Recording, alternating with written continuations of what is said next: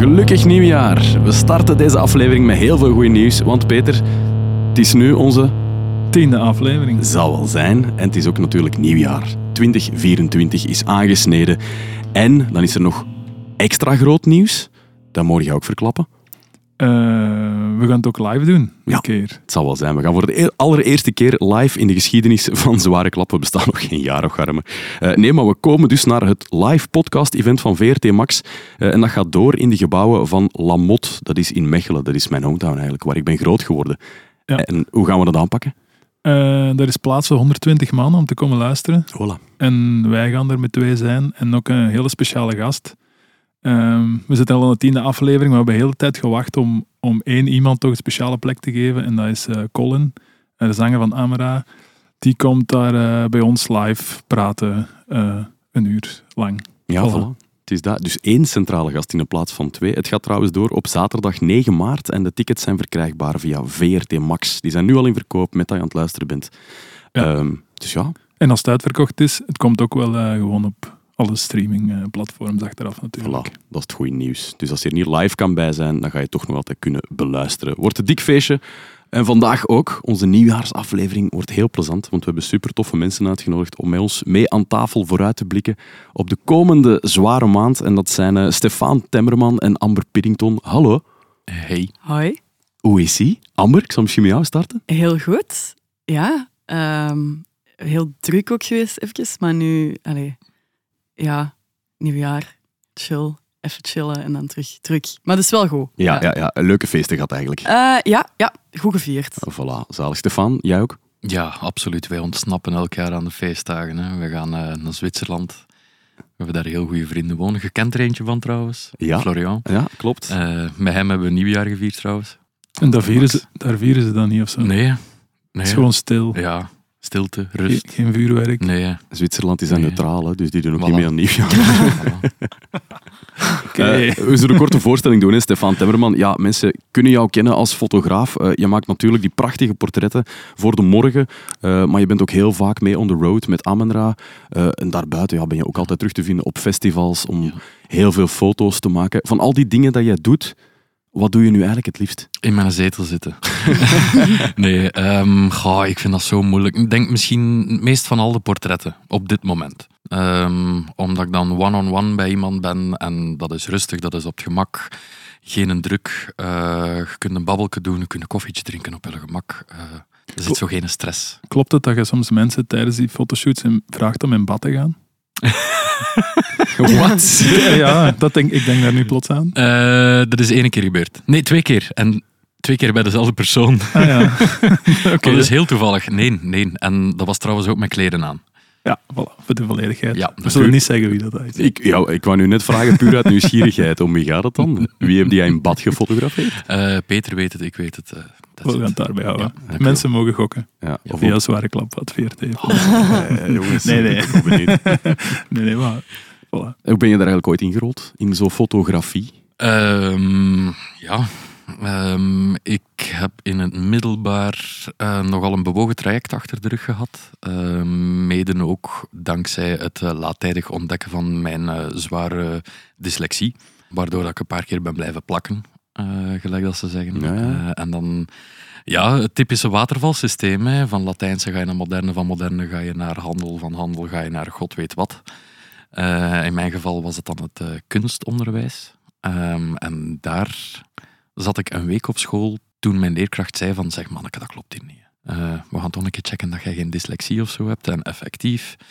Eh, maar daar was ik dan audiovisuele vorming beginnen doen. Dus eh, foto, film, een beetje grafische toestanden. En ik vond dat zeer interessant. En op een gegeven moment ja, is de Kodak rond mijn nek beland en is die er niet meer afgeraakt. Ja. En heb je dan, als je, als je dat doet, fotografie, minder last van die dyslexie? Of hoe moet ik dat dan zien? Kan Ja, je dat dan ik wel- moet niks schrijven of ik moet niks lezen. Hè. Nee.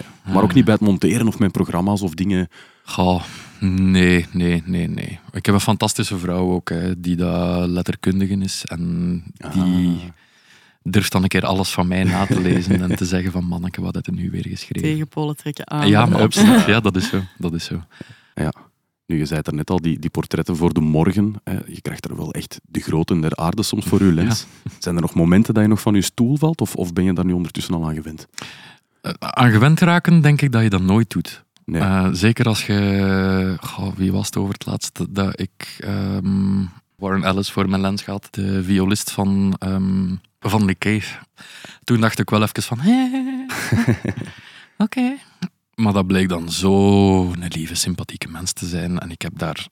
Ik kreeg 10 minuten om hem te fotograferen. En hij heeft er uiteindelijk zelf 20 minuten, 25 minuten van gemaakt. En we hebben dan achteraf nog een kwartier, 20 minuten staan babbelen ook over van alles en nog wat. Ehm, dus in het begin denk je altijd van, oh shit. ja. Maar na twee minuten denk je, ja, die mens doet ook zijn broek aan, gelijk dat ik mijn broek aan doe hè.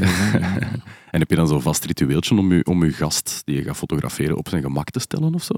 Nee, nee, eigenlijk totaal niet.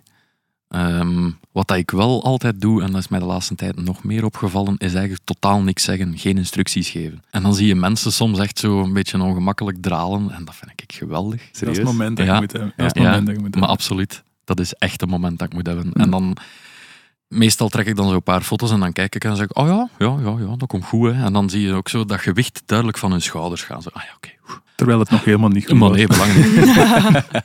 Je hebt ene keer foto's getrokken van ons ook. Hè? Oh, zwijg stil. Oeh. Ja, ik schaam me nog altijd voor die moment. Ik had zo'n kakdag, een baaldag die een dag. Oh, En toen moest ik willen portretteren. En tot op de dag van vandaag heb ik zoiets van, shit, ik vind die foto's eigenlijk niet zo tof. en ik wil dat altijd, nog altijd een keer opnieuw doen. Oké, fantastisch. Dat is echt waar. Dat was mijn zoon niet blijven hangen, maar Nee, ja, oh. Ja. Ik vond dat niet zo. Ik vond dat tof om eindelijk eens met u te kunnen, allee, Ja. te ontmoeten en te babbelen. En, Ja, ja, maar ik weet gewoon, toen had ik zo'n baaldag. En Nee, dan doen we dat nog wel. Ja, voilà. Kijk, yes, psyched. Ja, je zegt het nu zelf, je, je hebt af en toe wel eens bands voor je lens. We hebben hier toevallig iemand eh, aan tafel, Amber Piddington van Kids with Buns. Heb je die al voor je lens gehad? Op Pukkelpop. Ehm, op Pukkelpop, hè. en dat ja. zijn tot op heden de beste foto's dat ooit van ons zijn gepakt. en ik zeg dat nu niet om u te paaien, hè. Maar toen dat ik zag. Stefan Timmerman komt, dacht ik... Nee. Potjandori, die ken ik nog. Ja, dat is wel grappig. Er was geen enkele foto waar ik mijn mond toe had. Maar graaf nonetheless. Ja, ja. Ja. Ja, ja, dat Meer is mijn zo- probleem. Ja, maar, nee, maar dat is ook wel iets wat dat jij hebt op podium. Ja. Jij smijt u 100%. Ja. En dat is zalig om te fotograferen. Dat is echt de waarheid. Hè. Ja, dat is niet, maar het is wel ook een kunst om dat, om dat goed te kunnen capturen. Want dat is wel heel vaak dat je dan zo van fotografen dat toevallig in zo'n zaal aanwezig zijn op shows. Allee, Peter, Thomas, jullie kent dat ongetwijfeld ook. Het zijn niet altijd de meest flatterende foto's dat die mensen capturen. Dat is altijd zo van van onder. Van, van, zo een goeie dubbele kin en dan zo uw ogen toe. Ja. Dus dat, dat is ook wel echt een... Ik vind dat, ja, ik, ik, ik, ik zei dat echt niet om te overdrijven. Ik vond dat echt de beste foto's dat tot op heden van mij zijn gepakt. Dank u. Nice. Voilà. Ja, om, Complimenten zijn er al. om een idee te krijgen, Amber, jij speelt in Kids with Buns. We gaan misschien eh, even een stukje muziek laten luisteren voor de mensen, dat die een idee krijgen. Zeker.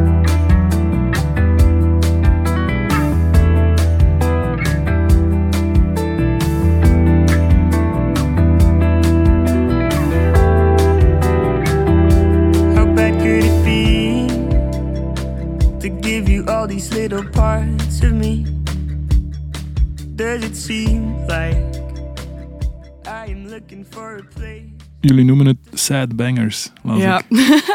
ja, vond dat goed. Ja. vond dat goed gevonden. Ja, merci. Ja, het is ook wel een, allee, het is allemaal een beetje verdriet. Allee, ja. Het is allemaal heel persoonlijk. Het zijn een beetje dagboekteksten en vaak is dat gewoon sad. Maar nu met onze debuutplaat is uitgekomen in oktober, eh we hebben sinds kort ook een liveband. Vroeger deden we alles met z'n twee. Eh, maar nu dat we die een band hebben, voelen Marie en ik wel heel hard dat we zo wat meer kunnen loslaten en wat meer kunnen ja, rocken of zo. En hoe deed je dat vroeger dan? Met, gewoon met twee, zijn met twee Ja, begonnen en ja, twee met twee, samenschrijven. twee gitaren. We schrijven nog, eens- nog steeds alles met z'n twee. Ehm, maar ja, vroeger was dat een stuk intiemer, omdat je had die twee gitaren. Dus dan, dan word je ook wel een klein beetje verplicht om alles intiem te houden. En ja, dan was dat nog een, nog een stuk rustiger dan nu.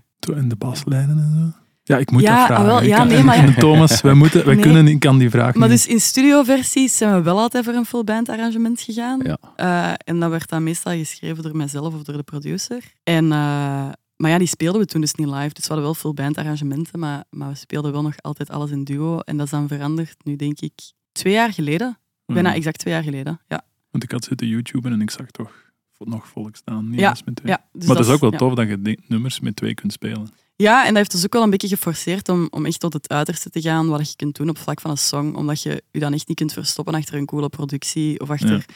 veel bandleden die het voor u gaan oplossen. Dus dat is wel... allee, dat was niet gemakkelijk, maar dat is wel ergens goed geweest dat we zo zijn moeten beginnen. Ik snap het. Elke goede song zou zo moeten beginnen. Met één of twee gitaren. Ja, ja. Of zou toch moeten overeind blijven zo. Ja. At the end. Dat is de essentie eigenlijk. Het is cool als je het zo kunt doen, maar inderdaad, ik heb jullie gezien op We Are Open, denk ik. Ik denk dat we Ah, toen het podium mm. gedeeld hebben. Ja. En dat was een van de eerste keren nog met de Mm, full band. Ja, dat was een tweede keer en dat was ook niet onze beste show.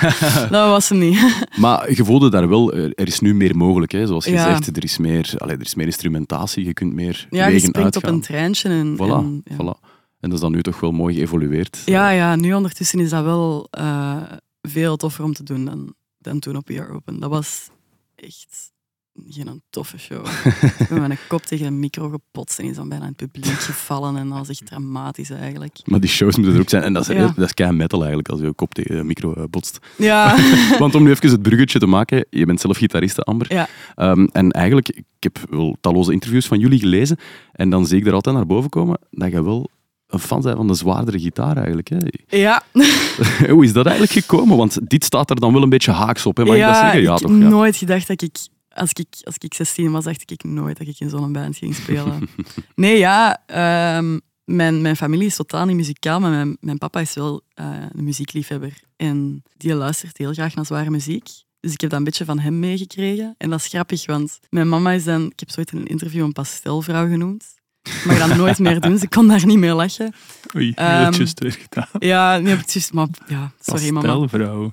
Ja, dat is zo, dat, ja, die luistert naar popmuziek en dat is zo. En dat is grappig, want mijn ouders zegt dus altijd, ik heb ook een broer, dat mijn broer dan zo de heavy metal dude ging Mhm. worden en dat ik ja, de pasteldochter zou worden. en dat is volledig tegenovergesteld uitgedraaid. Allee, mijn broer heeft ook wel echt een supergoeie muzieksmaak. Maar, eh, dus ja, zo heb ik dat een beetje meegekregen. Eh, en ja, maar dan was er ineens, eh, dan zat Kids with Bums ineens op mijn pad. En ja, omdat we dus in duo zijn begonnen, was dat ook altijd heel evident om rustige indie muziek te maken. Ja. Omdat Marie luistert naar voornamelijk Nederlandstalige kleinkunst. Wat dat dus wel moeilijk is om... Het distortion pedaal moet dan uitblijven. Ja, ja, ja. Maar, Alhoewel, tegenwoordig niet meer. dat moet tegenwoordig niet. niet meer. Dat moet ja, niet. Dat is waar. Niks moet eigenlijk. Hè. Maar ja, ja, toen was dat evident om dat, om dat zo te doen. Ja, maar eh, ja, ik, ik denk wel nog steeds dat er heel veel van mijn... Allee, dat, ik, ik, ik, heb dus ook allee, el- mezelf elektrische gitaar aangeleerd. Ja. Ja, want ik heb in een interview gelezen dat er zo een riff was toen je acht jaar werd of zo. Nee, Ah. de, de riff van, van Crazy Train. Ja, maar dat Ja, was we hebben allemaal klaar. op de Ozzy. Osbourne, We hebben Ja. dat allemaal klaarstaan. Hè. We zijn zo. Ah, dit hebben mijn ouders en mijn buren volgens mij zoveel moeten horen.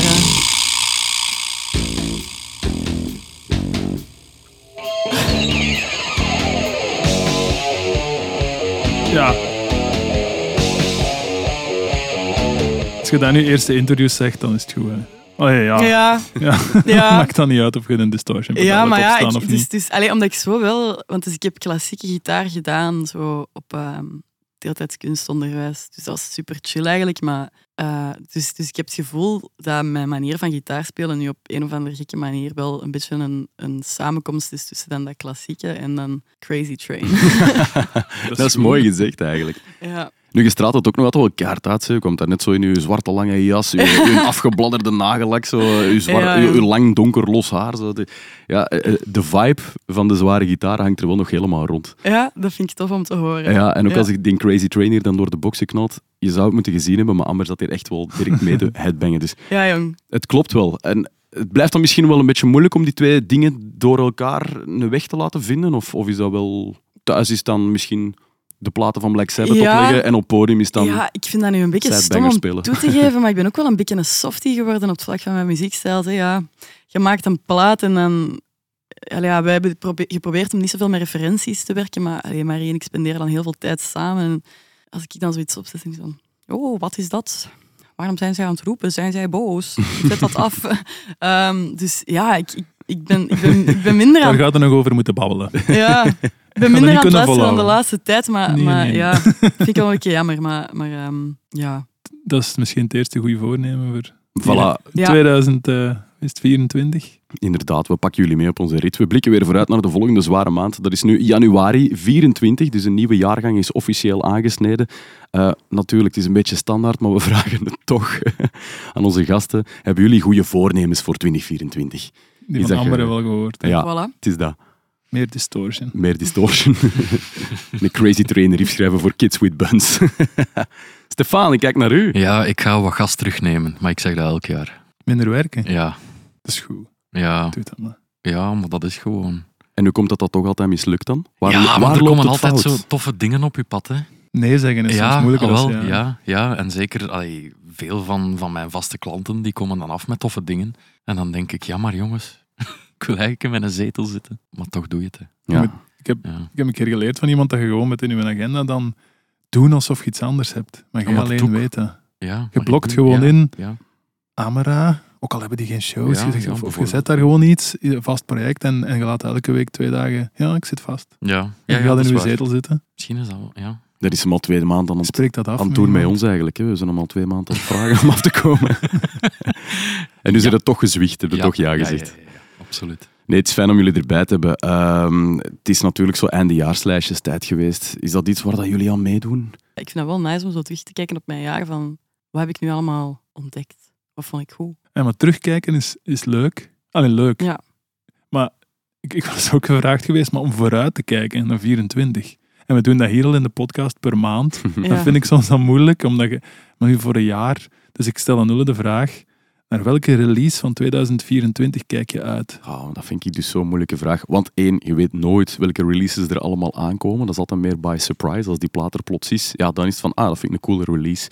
Dat vind ik een aardsmoeilijke vraag. Wat ik wel heel cool vind, is zo die vraag van ehm, welke band gaat er doorbreken in Ah, ja, die staat 2024? er ook bij, ja. Of moeten we in het hoog houden? Want dan kun je... Dat meer, want dat is Ja, gebaseerd ja. op wat je al gezien hebt. Zet iets tegenkomen, een van de twee, dit jaar, dat je van denkt, dat gaat volgend jaar, dat gaan we van horen.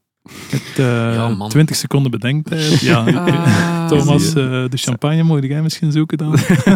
Ondertussen. Ik heb vorig jaar meer dan 400 bands gezien. Hè. Ik bedoel... shit. Op één jaar, Ehm, 400. Ja, ja, ja. Jezus. Met al die festivals en zo. Heb je dat in Excel staan? Ehm, Dat was een serieuze vraag. ja, nee, nee, nee, Oké, nee. oef. Eh, Ik vind het een hele goeie. Ze hebben onlangs een soundtrack gevonden in Leuven, dus Vlaams-Brabant. Ja. Is dat? Pelican Dealer. Pelican Dat is Dealer. ja, een garage rock band waar dat er in België eigenlijk al heel veel van zijn. Maar ze doen het wel echt verdomd goed.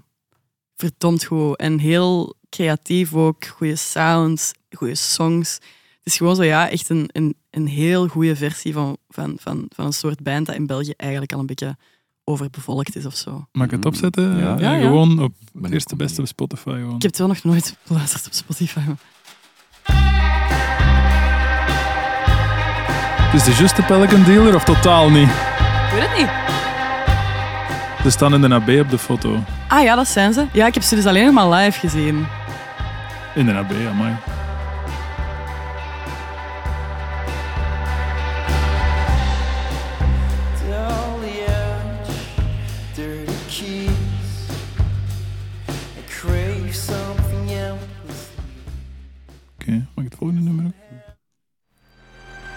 Dat is een goeie.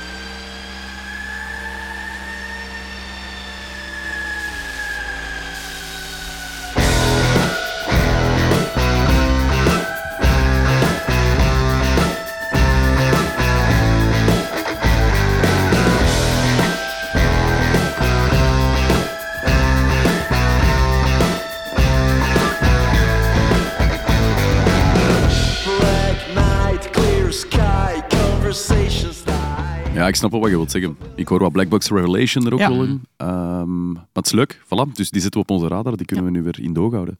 ja, en Alex Turner hoor ik er gelijk ook in. Ja, Ja. ja, die stem wel, ja. Ja. Zo, de zanger van de Arctic Monkeys. Yes. Ja, zwaar. Stefan, je hebt nu al even kunnen nadenken. Is er zo bij u nog iets bijgebleven dat je dan zegt, die mannen wens ik een mooi 24 toe? Ehm, Silver Moth. Ehm, ik weet niet of dat je dat kent. Nee. Ehm, het zijn geen Belgen, jammer genoeg. Hè, maar ik denk, met wie is dat allemaal? Het is zo'n all-star band weer. Hè. Ehm, met mensen van Mogwai en zo. En die plaat kwam uit. En ja, ik zoek zelden nieuwe muziek op. Ik moet altijd alles krijgen van mensen rondom mij of van, van Mike eh, van Consoling. Mhm. Dat is zo, ja, dat is de max. hè. Bij Mike binnengaan, koffie gaan drinken en hij zegt, eh, jij moet een keer luisteren naar dat, joh. Ah ja, oké. En dan effectief, Mike heeft 99,9% van de tijd gelijk. Ehm, en dat is bijvoorbeeld zo een van mijn ontdekkingen van, van 2023 geweest. Ja, als jij zegt Mogwai, dan ben ik al helemaal... eh, verkocht, dus ik ga het Ja, niet opzetten. ah, wel. Ja, zet maar op.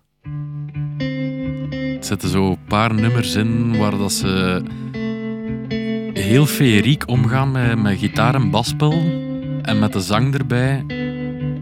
En dat je mij echt gewoon mee hebt. Maar echt mee. Oké, oké, oké. oké.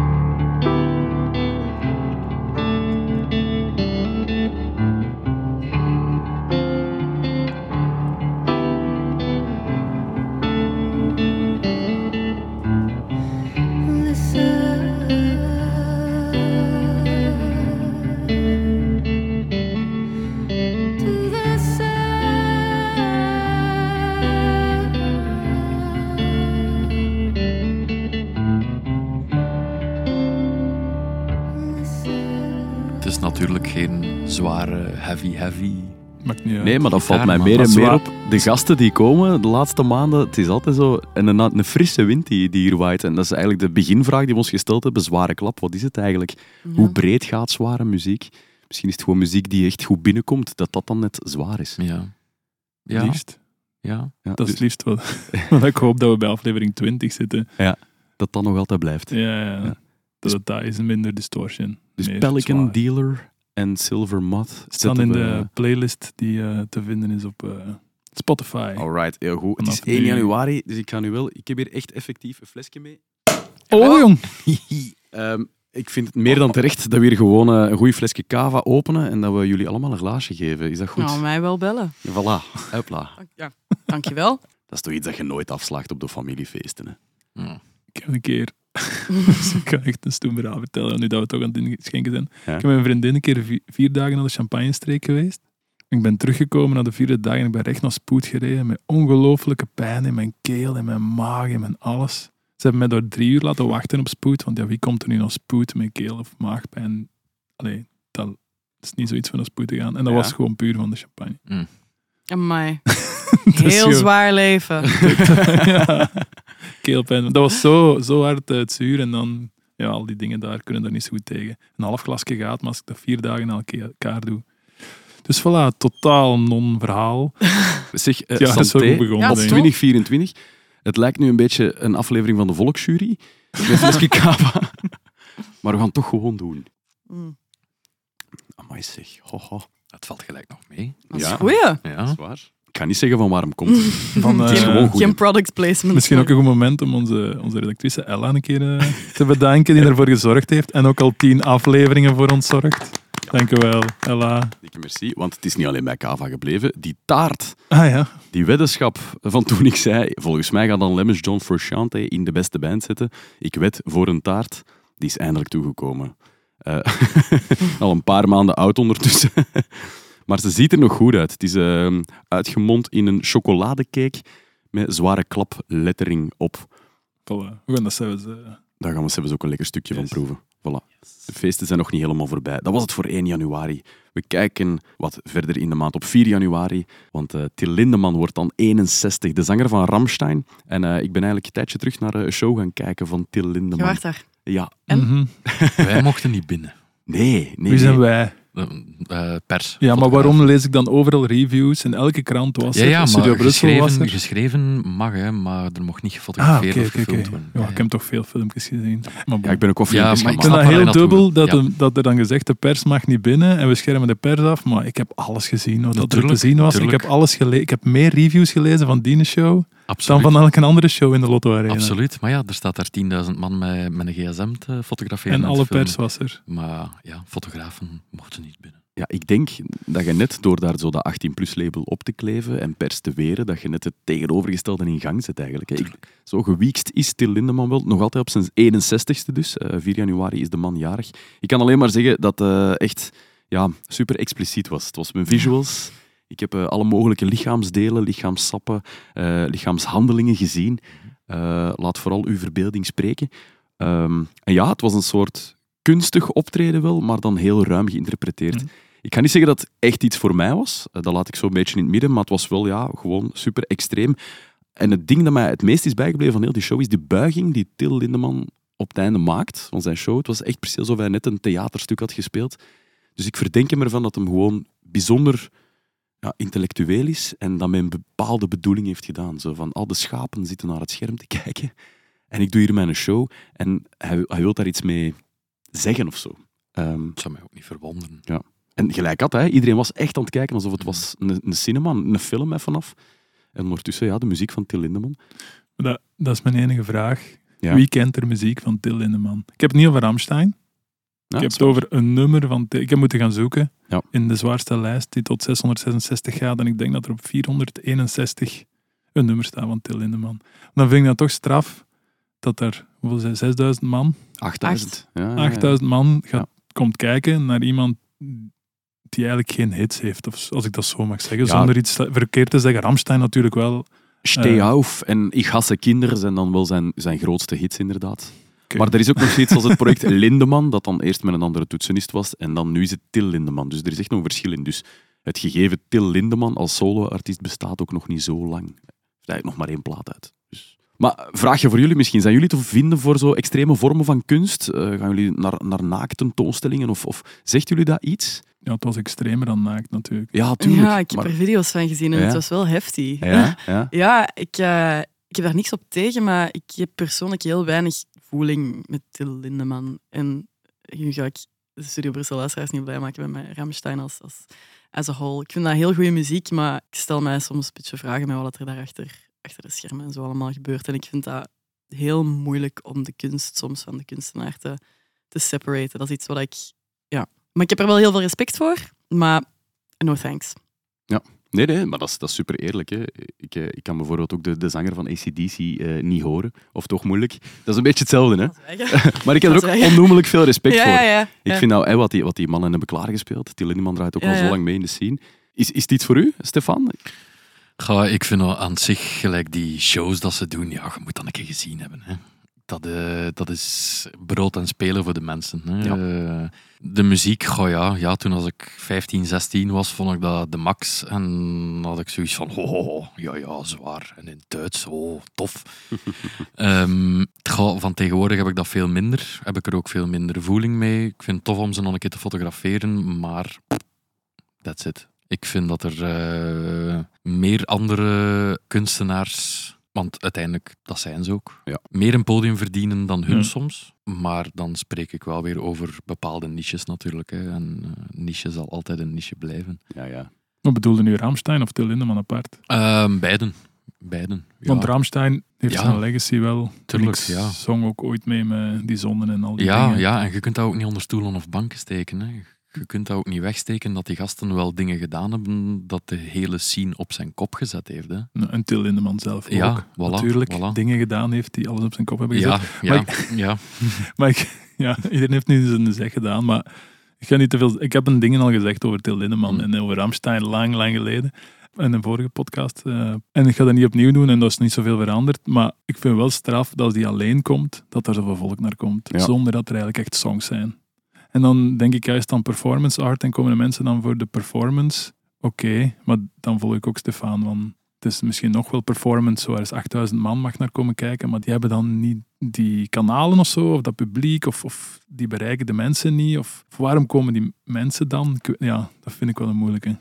Om, te Ja, maar of gaat mij ook niet zeggen dat, dat merendeel van, van de mensen dan nu naar Till Lindemann zijn komen kijken, dat dat geen Ramstein-fans zijn. Hè. En kennen die de muziek dan wel? Ah, Ja, ja, tuurlijk. Ja. Ik bedoel, er zijn zoveel bands met zoveel zijprojecten waarvan dan mensen denken van, ah ja, hij komt solo nu een keer naar daar. Ah, wel, ik ga ook gaan kijken. Ja. Hij gaat geen Koning Boudewijn stadion op zijn eigen, eh, volgens mij, vullen. Maar wel de Maar- kleine versie. Maar wel de kleine versie, ja. ja. Oké, genoeg over Till Lindemann. Nee, maar ik denk dat dat goed gezegd is. Dat is een beetje zoals Bruce Dickinson bij Iron Ja, Maiden. ja, maar Soms absoluut. wordt, Ja. allee, het, is, Ja. het is gewoon die frontman die zoveel gedaan heeft en die heeft een soort aanzien. En ja, je wilt dat dan gezien hebben. Hè. ja, je dat wilt is ook een weten goeie- waarmee dat die solo Dat is een goede vraag als de Bruce... Nou, waar, die komt naar Graspop solo. Ja. hè? Ja. Gaat hij ook solo de Lotto Arena uitverkopen? Ik pijs dat wel. Ja.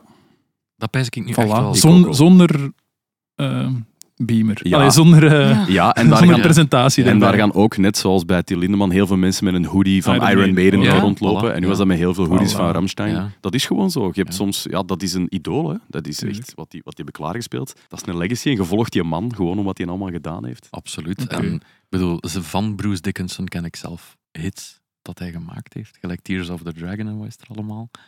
Dat is, ik, eh, van de zomer zaten wij eh, wederom in Zwitserland. Eh, Ja, we gaan zo, ik ga met een paar vrienden zo'n mottotourke gaan doen dan. En onderweg in Frankrijk, in een naftstation, was het Bruce Dickinson op de radio. Dat je dan denkt van, ha, dat zie ik bij Til nu wel niet direct gebeuren. Nee. Behalve dan zo af en toe een keer hier en daar links-rechts. In Heel misschien wel. in Duitsland.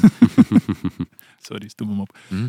Nee, maar ja, Ja, voilà. maar dat is zo waar. we geven hem nog een paar jaar in zijn solo-carrière. Hij is nu nog maar 61, dus hij kan nog wel even Ja. verder. En dan zijn er misschien wel hits van Til die ook Ja. sneller op de radio zullen passeren. 4 januari dus wordt de man 61. Eh, op 6 januari is het Drie Koningen, hè, Peter? Ja. het is Drie Koningen, maar het is ook eh, in de Music City in Antwerpen. Een zwaar bejubelde venue, hier al in de podcast. eh, de Bokkenrijders, Heksenbezem en Witchfucker. nu, als je een show organiseert op Drie Koningen met die drie bands, dat vind ik echt... Daarom is de Music City de echte koningen van Antwerpen en, nog, en van daarbuiten ook nog. Ik vind dat echt mega chic. En nog een koning, op, eh, dat was op 6 januari, die show. Op 9 januari, Jimmy Page wordt 80. We hebben het vorige vorige podcast ook over gehad, de favoriete gitarist van eh Stefan van Psychonaut. En dan zitten we bij de nog een koning, de vijfde koning in de rij eigenlijk. Eh, Dave Grohl wordt 55 op 14 januari. Ja, iedereen kent hem natuurlijk als frontman van de Foo Fighters, de drummer van Nirvana. Amber, ik zie u knikken. Je hebt zoiets van, ja, Ja, ik, Dave. ik vind dat zo dat hij 55 is. Dat is gek, hè? heeft al zoveel gedaan. Ja. Allee, jong. En dan ziet, ziet hem er eigenlijk 55 uit? Ondertussen wel, vind ik. Ik heb nog nooit van die bijgezien, dus ik... eh, Foto's, foto's, foto's. Soms met dat brilletje op Ah, vind wel, ik ik wel. Ja. zeggen. Oh, Ja. zijn leesbrilletje vind Dan ik, denk ik zo echt- goed. Dan denk ik echt, oké, ja, ik snap het nu. ja. Maar zonder het podium is dat gewoon 40 of zo, hè, toch?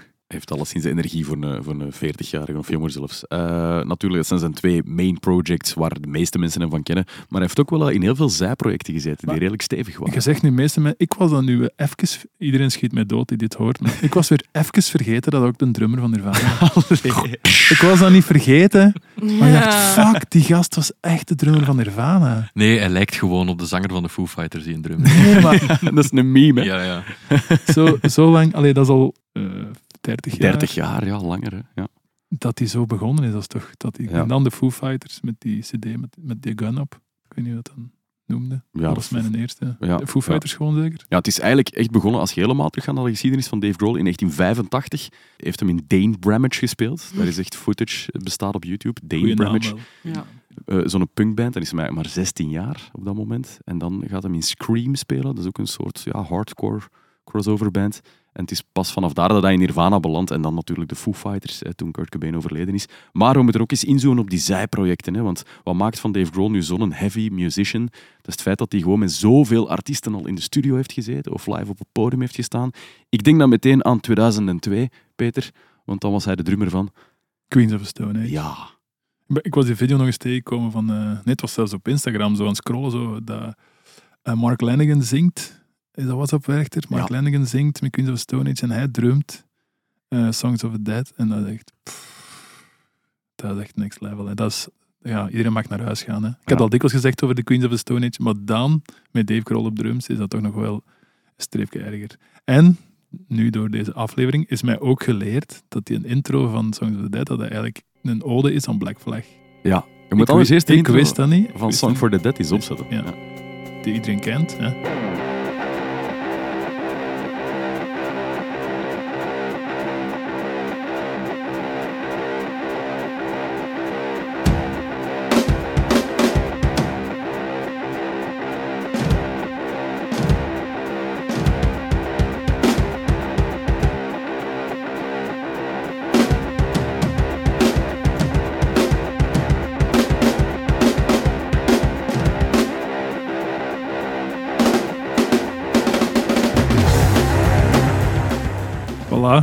En vooral dat laatste stukje moeten we nu even goed inprenten. Want het is, zoals, ja, het is zoals Peter zegt, het lijkt heel hard op een nummer van Black Flag. Slip it in. Hey mama, come on, come on, I don't know. come on, come on, this is it. Kinda got a boyfriend. No, no, this is happening, this is the time. Ja, crazy hè. Ik wist dat niet. Ja. Ik ben kei blij dat ik dat weet. En het is ook echt bekend dat Dave Grohl een grote eh, Black Flag fan is. Eh, dus dat is het eerste project, Queens of the Stone Age achter de drums. In 2004, twee jaar later, dan eh, zit hij in Probot. Heeft hij daar een album mee uitgebracht. Daar wist ik ook niet van. Hè. Ja, Nee, oh, echt- met Lemmy. inderdaad. Oh. Het is schijf maar op.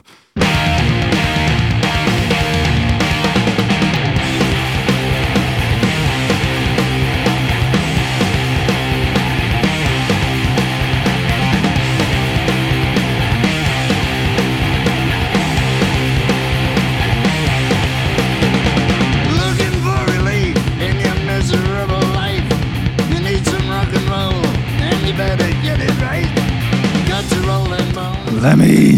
Fuck. Ja, het zal wel zijn. En dan, Maar dat is een heel plaat dus. En hoe zit dat in elkaar? Dat is, dat is allemaal Dave Grohl. dat is gewoon Dave Grohl, die dat eigenlijk samen met andere artiesten, onder andere ook Max Cavalera, Jack Black, eh, van alle nummers heeft gelost. Eh, waar hem echt zo zijn, zijn meer metal-ei in kwijt kan eigenlijk. Probot. Probot, inderdaad. 2004. Ja, en dan nog eens twee jaar later is de film uitgekomen, The Pick of Destiny.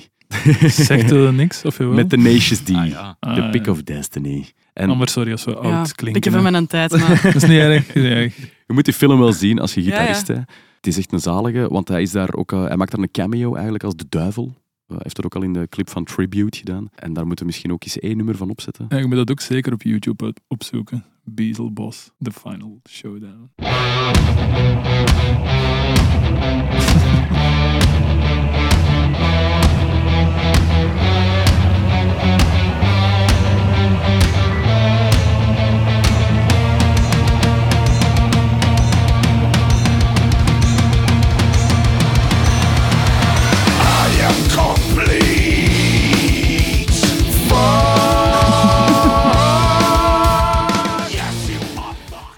Oh, die film is zalig. Ja, dat heeft hem dus ingedrumd. En hij is die een duivel ook. Die I am complete is Dave Grohl. Eh, En ik ben toen met Jeroen van Freddie Mercury naar Duitsland gereden met twee om die show te gaan zien. is het echt? Van Tenacious D, ja. Ja, met zo'n heel groot symbool dat opgeblazen werd. Zalig. Nice. Ja, ik heb die op vinyl. Dus alle muziek die in die film The Pick of Destiny aan bod komt, op vinyl gekocht. Dat is Oké. eh, een bangelijke plaat. Volgende in ons, in ons lijstje. Dat is 2009, Damn Crooked Vultures. Eh, heeft hij ook gedrumd? eh, ja, Ja, ik heb die Ja. toen nog gezien en gefotografeerd op Pukkelpop. voilà. Ja. Daar hebben ze dus een verrassingsoptreden Ja. gedaan. The Surprise Act. En dat is niet met de minste, want dat is met John Paul Jones, de bassist van Led Zeppelin, Alain Johannes eh, en Josh Homme en dan Dave Grohl op de drums. En er bestaat een iconische foto van een gigantische fan van Led Zeppelin, die dus met een Led Zeppelin shirt aan het slapen is in een backstage op Pukkelpop. En terwijl hij aan het slapen is, wordt hij gefotobomd door zowel Dave Grohl als John Paul Jones, de bassist van Led Zeppelin. En die mens is dus niet wakker geweest. De enige herinnering dat hij heeft, is die foto dat mensen van hem gemaakt hebben als hem daar in zijn zatten ligt. Helemaal KO, met die twee iconische figuren naast hem. Later in de krant zag waarschijnlijk. Ja, Heb jij die genomen? Nee. Nee, nee, nee. nee. maar het is dus weer nog maar eens een, eh, een cool project eh, van Dave Grohl, waar dat hem achter de drum zit. Zet ook maar iets op. Damn Crooked Vultures.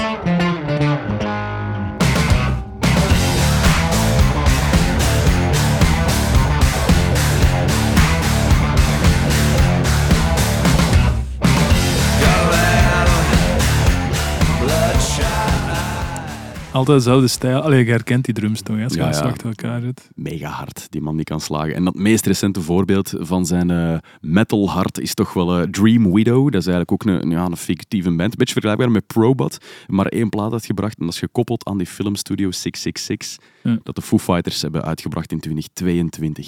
Hele zotte film. Ja, Dat was ook een... ehm, ik ben daar naar gaan kijken. Ik heb moeten opzoeken, maar in Kinepolis zitten zo ene, ene avond dat je naar die film kon gaan kijken van de Foo Fighters. En ik ben geweest samen met mijn maat Jimmy Turbo. En we zijn naar die film gaan kijken. En dat was 24 maart en we kwamen buiten en we gingen naar huis. En ik werd 's morgens wakker en Taylor Hawkins was gestorven. En één scène in die film is wanneer Dave Grohl eh, wordt dan zo bezeten. Ze zitten in een huis en hij wordt bezeten. En dat is ook wel grappig, want die mannen van Slayer zijn dan roadie. En ze gaan met hun band eigenlijk in een huis een plaat opnemen. En ze worden daar possessed door de duivel. Een heel, heel eh, stomme horrorfilm, maar heel grappig gemaakt.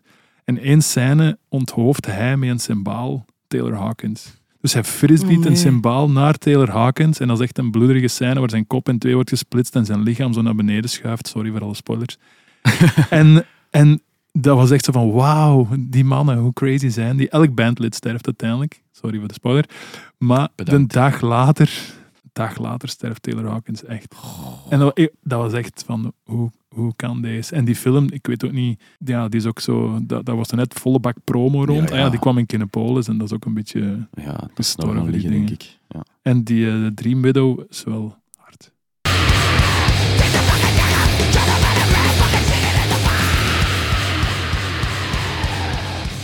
Ja. En soms, ik, als, ik heb het misschien over de Foo Fighters al gezegd, soms als ik de Foo Fighters zelf zie spelen, dan denk ik, ah mannen, pas op dat je niet te veel te soft wordt en je niet te veel knuffelrock wordt of zo. En dan denk ik, ja, maar hij doet, hij doet dat en dan doet hem al die dingen er nog naast. En dan snap ik het weer wel of zo. Ik denk dat hij gewoon soms zijn ijs moet kwijt kunnen. Ja, voilà. Zoals in deze Dream Widow. Hij heeft dus echt alles ingespeeld. Hè. Bas, gitaar, drums, zang. eh, ja. Amber, zien we u dat ooit nog doen? Zo'n metalplaat maken op uw eigen? Ah, wel, misschien... Ik denk, ik denk dat die kans zeer bestaan. Serieus? Ja. ja, ik heb er nu op, op onze plaat ene solo in gekregen. Ene fuzz solo. Ja. Ik heb, ik, was, ik heb hem gisteren gehoord en ik was er strak het nummer terug aan het zoeken van een Thomas, maar ik kon het niet vinden. Ik dacht, ah ja, waar zit dat niet, waar zit dat niet, waar zit dat niet? Want ik heb gisteren de plaat Ja, geluisterd. ja, dat is het begin van eh, het einde voor Marie. En je, Dat is een grap, dat is een grap. en je zegt dat zo'n beetje alsof dat je terrein moet winnen. Is dat dan met, Nee. met bange knieën dat je naar de studio komt? Ik heb een solo geschreven. Nee, maar dat was, ik, was, ik was eigenlijk niet dat dat voorgesteld. Het was gewoon een nummer dat echt...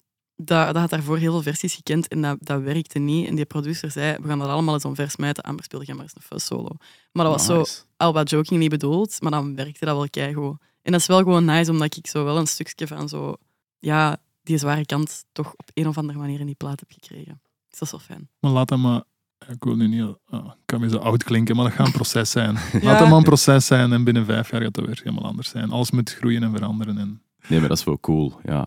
Eh, En, en wie weet, het is niet uitgesloten, dus dat, dat misschien binnen 10 of 20 of, of 30 jaar zelfs Amber Piddington met een eh, soloplaat. Ja, maar zoals Dave Grohl, dat Ja, zie je mij niet snel doen. maar tegen dan staat dat ook al muzikaal weer een pak verder. Dan kun je misschien toch een beetje drummen, dan kun je misschien wat bassen. En dan Ja. doe je ook gewoon alles zelf. Ja, ik heb ook het ooit nog even gedrumd, maar mijn ouders vonden dat niet zo leuk. Eh, ja. Die ouders. Oké. We hebben alles gehad van Dave Grohl, die jarig is op 14 januari. Ja, voilà. Ik wou gewoon dat we konden inzoomen op zijn zijprojectjes. Want het is altijd Nirvana hier- Ja. van hier, eh, Foo Fighters van Ginder. Maar je hebt er nu toch een paar gekregen eh, waarmee je iets meer insight hebt in, eh, in het metal hart van Dave Grohl. Hij heeft trouwens ook ooit op een memorium van Lemmy Kilmister gespeecht. Mhm. En die speech ja, gaat hij opzoeken op YouTube. Dat is ook weer fantastisch. Hè? Hij doet dat echt op zijn Dave Grohl. Dat is een beetje de papa van de rock. En dat is dan eigenlijk iets te soft uitgedrukt. Dat is gewoon een dude ja, die iedereen kent. Dat is de, de meest vriendelijke man op de planeet in, in, in Rockland of zo.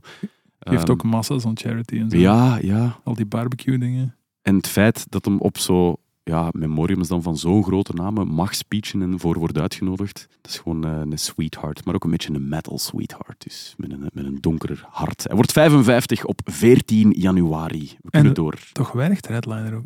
Dat vergeten. Ja, Ja. zeker. Ah, Afsluiters, toch? Ja. Speciaal voor hem heb ik mijn tickets gekocht. Het zal zijn. Voor de zondag. Ja, 7 juli, Alright. Dave Grohl. verkocht, godverdomme. Ja.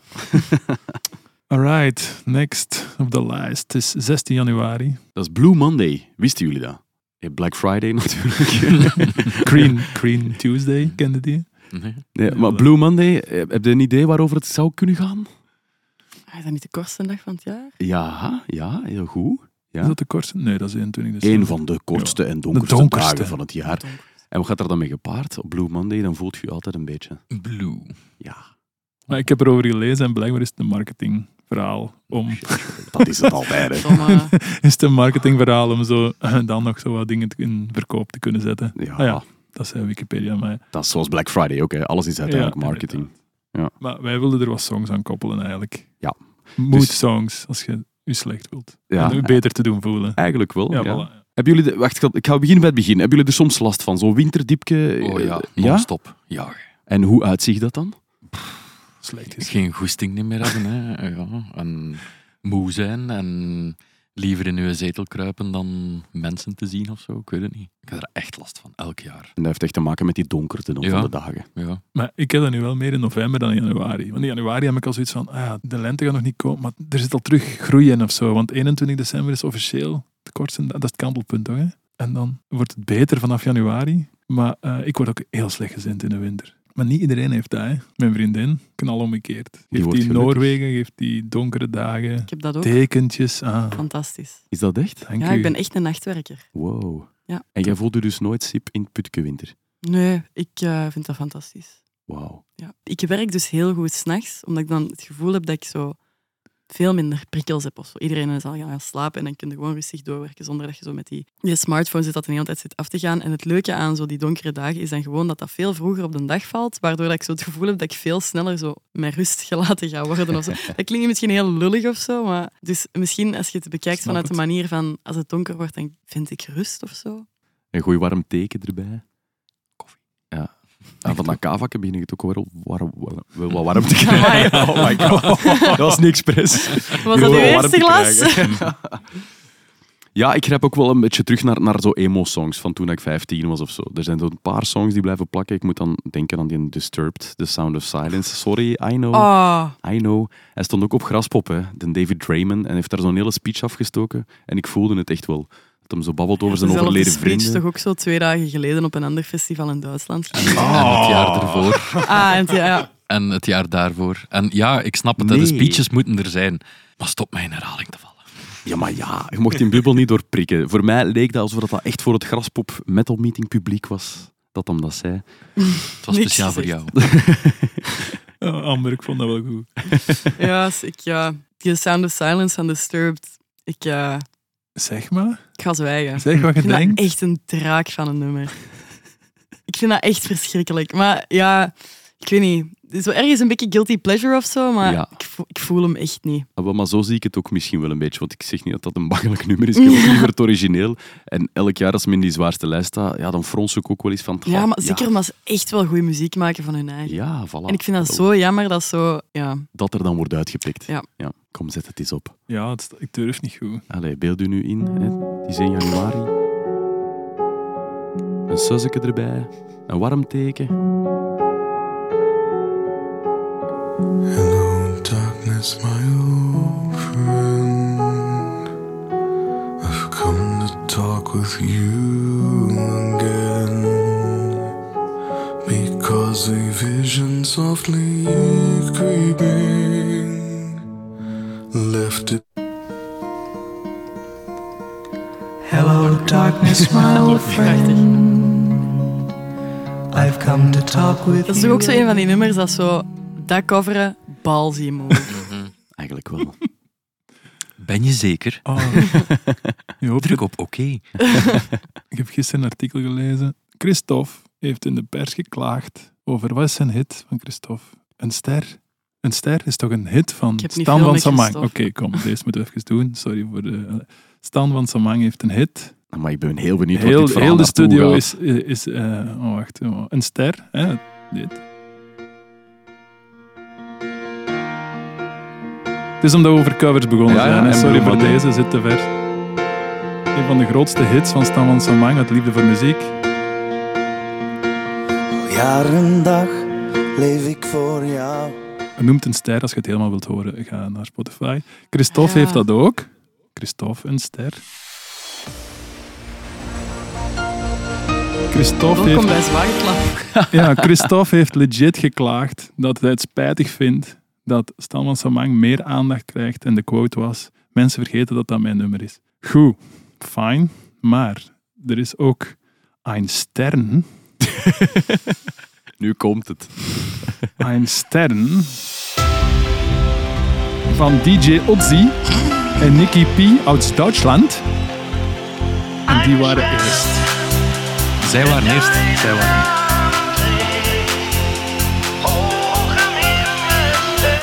Dus, Christ- dus Christophe, het spijt mij, maar Hij was niet eerst. hij was niet eerst. Die Duitsers waren eerst en hij heeft akkoord Oh, van die Duitsers. Mm, DJ Utsi. DJ Ötzi.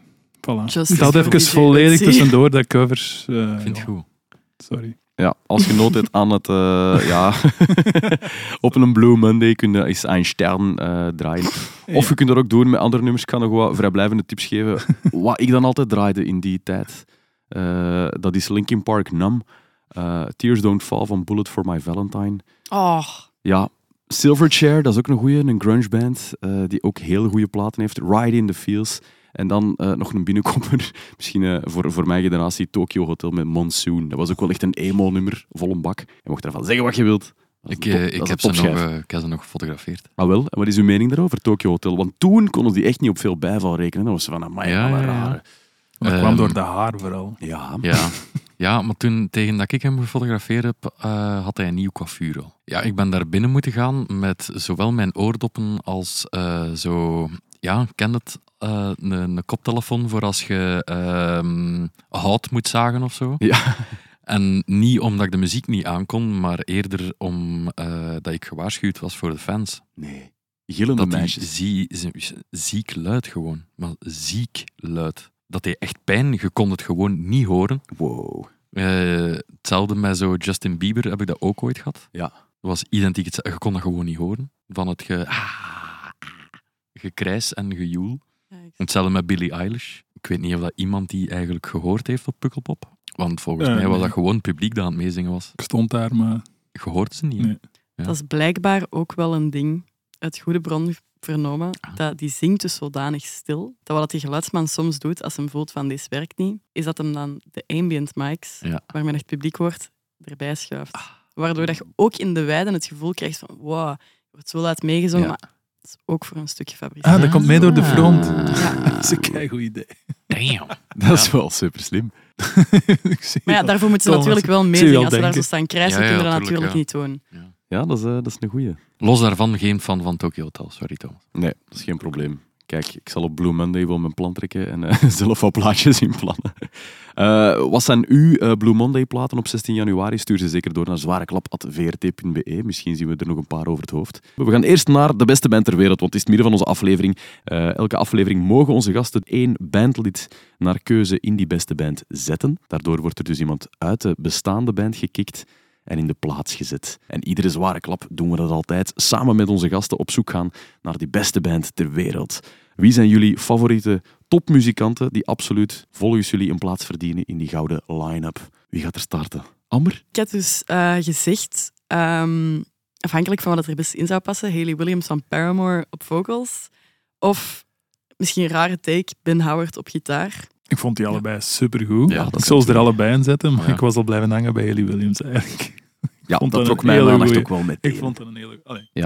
De zangeres van Paramore, waarom moet die er voor u in, Amber? Ja, Paramore, dat is, dat is een hele speciale band. Dat is, dat is, ja, ik, ik ben daarmee opgegroeid. En ja, ik vind dat gewoon heel nice om te zien hoe dat die zijn zo begonnen zo in die pop-punk sfeer. En er zijn heel veel bands die dat, dat, dat oftewel zijn gestopt, oftewel dat zijn blijven doen, wat dat nu eigenlijk gigantisch outdated is, alhoewel dat toch terug hip begint te worden. Maar die, die zijn gewoon echt op elke plaat keihard doorgegroeid. En nu die laatste ook. En diegene daarvoor vind ik echt mega chic. Dat is zo'n band van, van, van mijn jeugd dat eigenlijk nu nog altijd heel belangrijk is voor mij of zo. En los daarvan ook wel echt gewoon een van de beste songwriters en gelijk vocalists van nu, denk ik. Nice. En, en heb de geschiedenis van de band dan gevolgd ook, want zij is toch ook even eruit gegaan, solo? Of Ja, ze heeft, ze heeft even een soloplaat gemaakt. Dat is nog niet zo lang geleden, vond ik ook heel goed. Ehm, maar ja, dat is, dat is echt een heel messy geschiedenis, Paramore.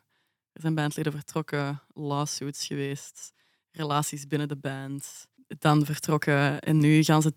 Nee, ondertussen al even geleden op hun Instagram ehm, hebben ze zo'n heel vaag statement geplaatst waarin dat zo stond van de band heeft al hun label obligations fulfilled, dus ze moeten geen nummers meer maken of niet meer toeren of zo voor hun label. En de drie leden hebben nu gezegd dat er wel een certain degree of uncertainty is naar de toekomst toe. En dat was het statement. Fucking vaag. Ja, Ik vind daarvoor helemaal niks nodig. Ehm, Want ze waren net terug eigenlijk. Ze hebben, ja, eigenlijk was dat een van de comebacks van het jaar, hè, met die nieuwe plaat. ja, dus jammer. Ja, is, er Jammer. een, is er een focusnummer, Amber, waar dat jij instant kei gelukkig van wordt? Waarvan dat je zegt van, ja, dit is Hayley Williams ten voeten uit. Oh, fuck. Of gewoon je lievelingsnummer van Oh, Paramore, kan moeilijk. ook. Ik denk De twijfel is een goed teken, hè. dat wil zeggen dat je het echt goed vindt. dat...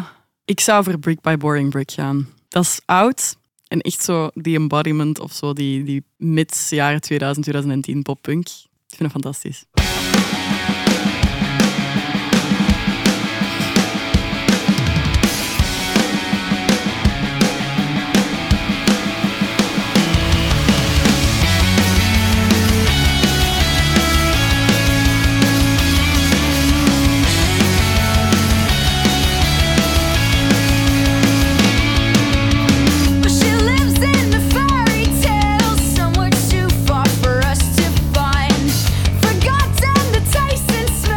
Dat, hoe oud was hij eigenlijk toen als dat begon? 16, 17 of zo? Ja, ik denk dat die zijn begonnen toen dat hij 15 of zoiets was. Ja, dus die eerste plaat toen dat ze 17 was of zoiets. Maar wat een stem, dat hoort je Dat is meteen. Hè. insane. Ja. Dat is echt insane. Maar dat is ook zo zot als uw band zo jong begint en dat, dan heb je echt geen ander leven gehad of zo. Hè. Het is gewoon enkel dat. En direct daar. Ja, en dat was ook al... Want dat is dat was dus eigenlijk blijkbaar aanvankelijk de bedoeling dat dat zo'n popsterretje ging worden. Maar dan wou ze een punkband starten en ze heeft daar dus heel hard voor gestreden tegenover dat label, want dat was echt zo een van de major labels. Dus dat was echt zo met zo die echt Amerikaanse platendeals. Heeft ze er heel hard voor gestreden van nee, ik wil geen, geen pop-solo-project zijn, ik wil een band hebben. Dus ja, ik denk zeker als je dat in die context bekijkt, dat het dan ineens nog veel heftiger wordt. Cool. Ik En op welke momenten zitten dat nog dikwijls? Allee, het, het vaakst op eigenlijk. Wanneer kan u dat eens echt goed deugd doen, zo'n goede Paramore? Ah, wel, maar dus echt op elk moment. Gewoon omdat die hebben dus zoveel albums. Dat is zo een verschillend soort plaat zijn voor mij. Gelijk deze is echt pure nostalgie. Maar dan zo dat laatste album is gewoon zoiets waar ik heel veel inspiratie van heb gehaald. Voor gitaar, voor op de plaat bijvoorbeeld. Eh, en dan de album daarvoor, After Laughter. Dat was een interessante. Was het, dat was dan zo ineens heel poppy. Maar ja, dat waren eigenlijk ook een beetje sad bangers. Dat waren zo mega popnummers, maar echt wel very, Maar very depressing. Als je bij Hulde Distortion opzet, dan gaat het er niet ver afgeraken. hè. Ja, Ik wacht toch nog wel even. Op Ah, de, wel. de derde album van Kids with Buns is, Ik- ik ben- is Paramore. Ik ben een beetje gedoken in die laatste Kijk, plaat kijk. van Paramore, by the way. En er is een nummer, Liar. En ik moest echt aan Kids with Buns denken. echt? Ja, even af. Moet ik dat niet opzetten? Ja, dat is de bedoeling. Dan moet jij tussen de lijnen doorlezen. Ja, ik ben Ah. bezig, ik ben bezig, maar ik was weer rap niet.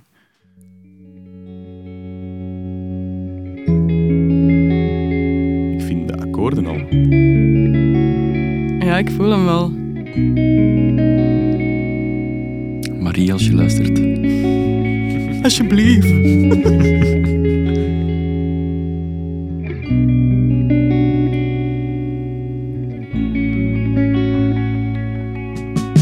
What was the moment? It's hard to say. I'm sure I don't remember anyway. Goeie find. Goed gespot, Ja. Thomas. Nice. Ja, toch hè? Ja, ik Voilà. vind ook. Bon, op zang eh, zitten we gerust. Bij Haley Williams. Kan Williams. Ja, ja. Wie zitten we er nog bij? Stefan. Hoi. Het is goed dat het over Paramore gaat, dat je heel Ja. een tijd niks hebt gezegd. Nee, is ik ga er echt niks uit Nee, afleiden. nee, nee, nee, nee, nee, nee, nee, nee. Ik was gewoon geïnteresseerd aan het luisteren. Ik vind, Zoals Ja. normale mensen doen. ja, dank je wel. Ja, want ik dacht ook eerst iemand op zang te zetten, eh, Howard Jones van Killswitch vroeger. Ja. Oh, de echte van Killswitch. Ja. Een original. Nee, Nee. dat is niet een OG, hè. Is dat niet een OG? Ah, ja. Ai, ai, ai. Wie is dat? Ja, Jesse Leach is de OG. Ah. Nee, maar Howard Jones die heeft toch zo'n fenomenale klankkast. Hij heeft nu zo over het laatste nog een keer eh, eh, zang gedaan op een album.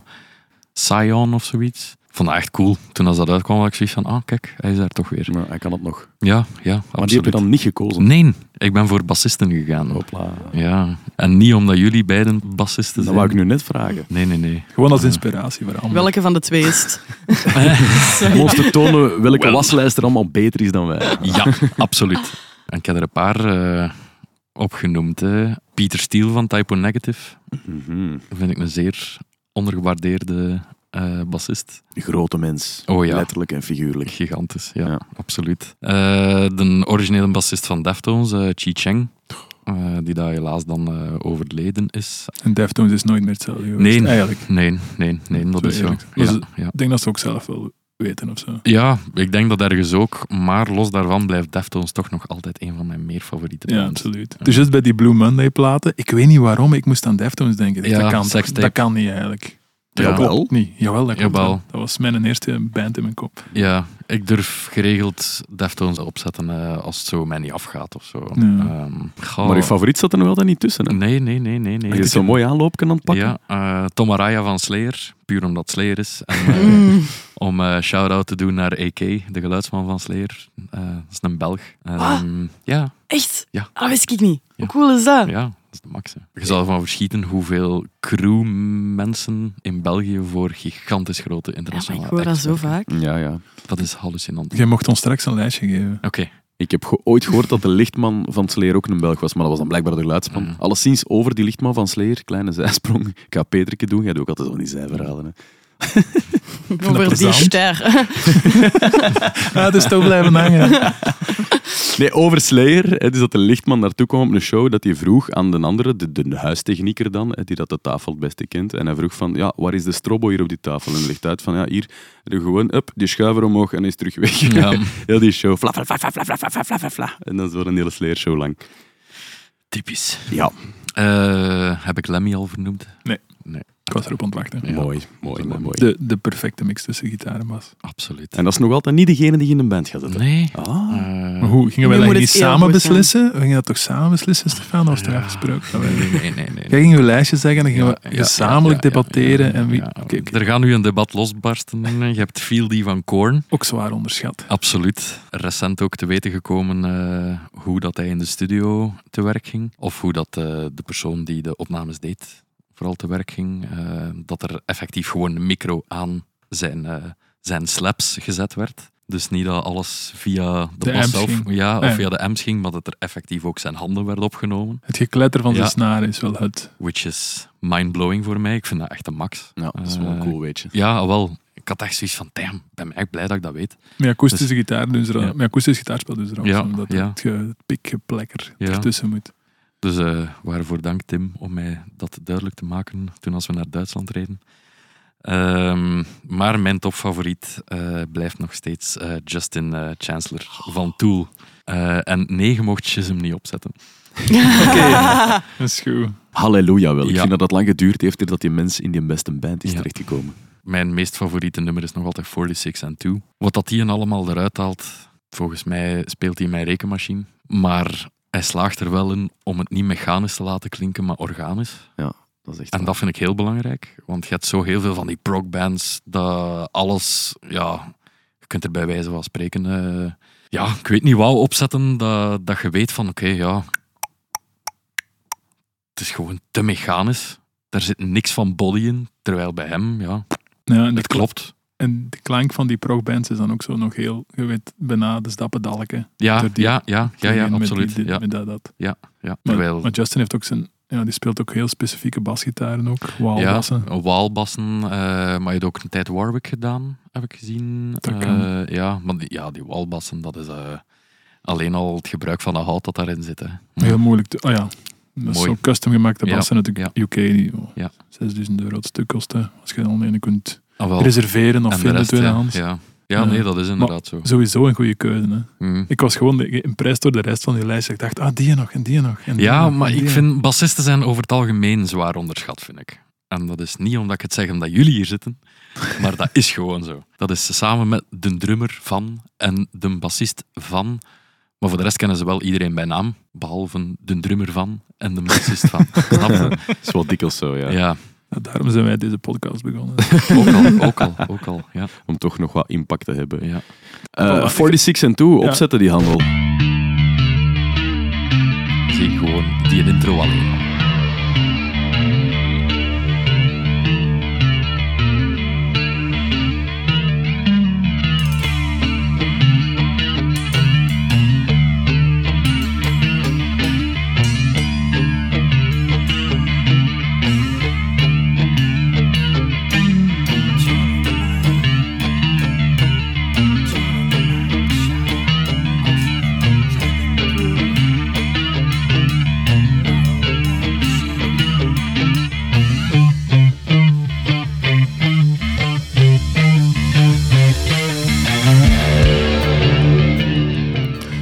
Is ook zo. Ik speel thuis niet veel bas. Ik speel thuis geen bas. Nooit. Dat ik dat alleen niet graag doe. Als ik zo'n dingen hoor, dan denk ik, ga speed thuiskomen, een bas zoeken en ga daarna spelen. Ja. Ga, dat is, Ja. Ik ga dat uitzoeken hoe dat, dat is. Want dat is ook zo. Weet je, dat is ook zo een van de riffjes dat vorige week hebben we met, Amara twee akoestische shows gedaan eh, in Kerk in Adelbeke. En als ik eh, met hun meega, ja, de laatste tijd doe ik de visuals voor hun live. Maar als ze akoestisch spelen zijn er geen visuals, dus dan help ik hun gelijk vroeger met backlining. Ik dacht dat je En- bas ging zeggen. Eh, nee, nee, maar toen als ik de, de akoestische bas van Maarten eruit haalde verleden week, was het ook het eerste wat ik speelde, dat riedelke. Je speelt bas. Ja, Ah, ah, Stefan, waarom weten wij dat niet? ja, er zijn zoveel dingen dat je niet weet. van. Oh, dan zit hij met drie bassen. Ja, eigenlijk wel. Ik ben eh, beginnen bassen op mijn 14 of mijn 15. Eh, ik speel sinds mijn 11 of 12 gitaar. Nog interesse of ambities? Stilte. Eh, nee, wegens tijdgebrek. Ja, tuurlijk. Ja. Kan ik wel snappen. Ik ken een band die naar een bassist zoekt. Ah, wie dan? Is het waar? Kids with Ja, we hebben nu al een live bassist. Allee, eigenlijk is dat wel meer een... Dus wie weet, ja. Ah ja, sorry. Ik had al, ja. Ja, maar ja. Je hebt met een Instagram, en laat maar weten. Voilà. We kunnen ondertussen wat foto's pakken als Ja. niet moet meespelen. Maar, dat vind ik wel een goede dag. Wat een grap. Ja. Kan jij u vinden, Amber, in, eh, in zijn keuze voor Justin eh, Chancellor? Heb je, heb je iets met Tool? Eh, ja, ik vind dat zo dat hij nog niet eerder is geweest eigenlijk. Zwaar. Het leek mij zo obvious dat ik dacht van, het is zo bijna te obvious. ja, om- wel. Ja. Allee, en dat, dat is misschien zo... Allee, ik weet niet, ik heb soms ook zelf wat schrik om zo weg te blijven van die clichés, maar in dit geval is dat echt gewoon... Omdat dat gewoon echt een van de beste is ja dat en er ik rondloopt. blijf erbij, clichés zijn er om te bevestigen. Dat is waar. Tool is ook zo'n band. Het zijn veel mensen dat dat gigantisch goed vinden, maar het zijn evenveel mensen dat dat niet aankunnen. Ja. Eh, raar maar waar. Allee, in mijn ogen dan. Eh, maar ja, ik ben deels opgegroeid ook met die band. Hè. Eh, dat eh, een van mijn beste maten, onze Sam, die luisteren naar niet anders. Ja, in het begin had ik zoiets van, oh man toch, Pff, het is veel te moeilijk. Geef mij maar Children of Bodom. Ik was 14, dat klinkt goed. Ja. Dat is hard. En hoe ouder dat ik werd, hoe meer dat ik dan Tool begon te snappen en alles erachter ook begon te snappen. Ja, dat is het. Ja. Ja, het is voor de meerwaardezoeker. Oh, absoluut, absoluut, absoluut. Zeker. Cultuur. Ja, oh, hypo. Ik kan u maar nog een theetje bij. Je hebt er trouwens ook een shirt van aan Stefan. Ja. Ik heb ooit president Trump moeten fotograferen in het Koninklijk Paleis. Eh, en eh, ik was daar binnen gegaan met een heel mooi, schoon hemdje. Maar de moment dat de heer Trump eh, dan toekwam, heb ik dat mooie hemdje eh, achterwege gelaten en had ik deze t-shirt aan. Om, mede ook omdat er van achter een gigantische penis op staat. en dat ik dacht, jij lul. Goeie. Zijn daar foto's van? Eh, er zijn absoluut foto's van. Zalig. Een verborgen boodschap naar de heer Trump. Oké. Dat is zo die, die moersleutelpenis, hè? Ja, absoluut. Dat is een hele bekende. Ja, graaf. Oké. Goed, hoe ziet onze beste band er dan nu uit, Peter? Op zang eh, Haley Williams van Paramore. Op drums nog altijd Justin DeTore van Dream and Ending. Door Lina van Predatory Void. Op gitaar Jimmy Page van Led Zeppelin. Door Stefan van Psychonaut. En op bas de Justin dan van, eh, van Tool. Door Stefan Timmerman. Mogen we ook eh, crewmembers eh, beginnen? eh? Ah, ik vind dat wel goede goede dingen. Je wilt er Ja. nog een roadie naast zetten of zo? Ah, wel, nee, een, eh, een geluidsman. Oké. En Hein de Vos is eh, de beste geluidsman van de wereld, dus die mag er zeker bij. Sorry aan al de rest, maar het is gewoon zo. Sorry aan Oké, ik ga er Deze rubriek is gevuld met subjectieve informatie. Shout-out aan hen trouwens.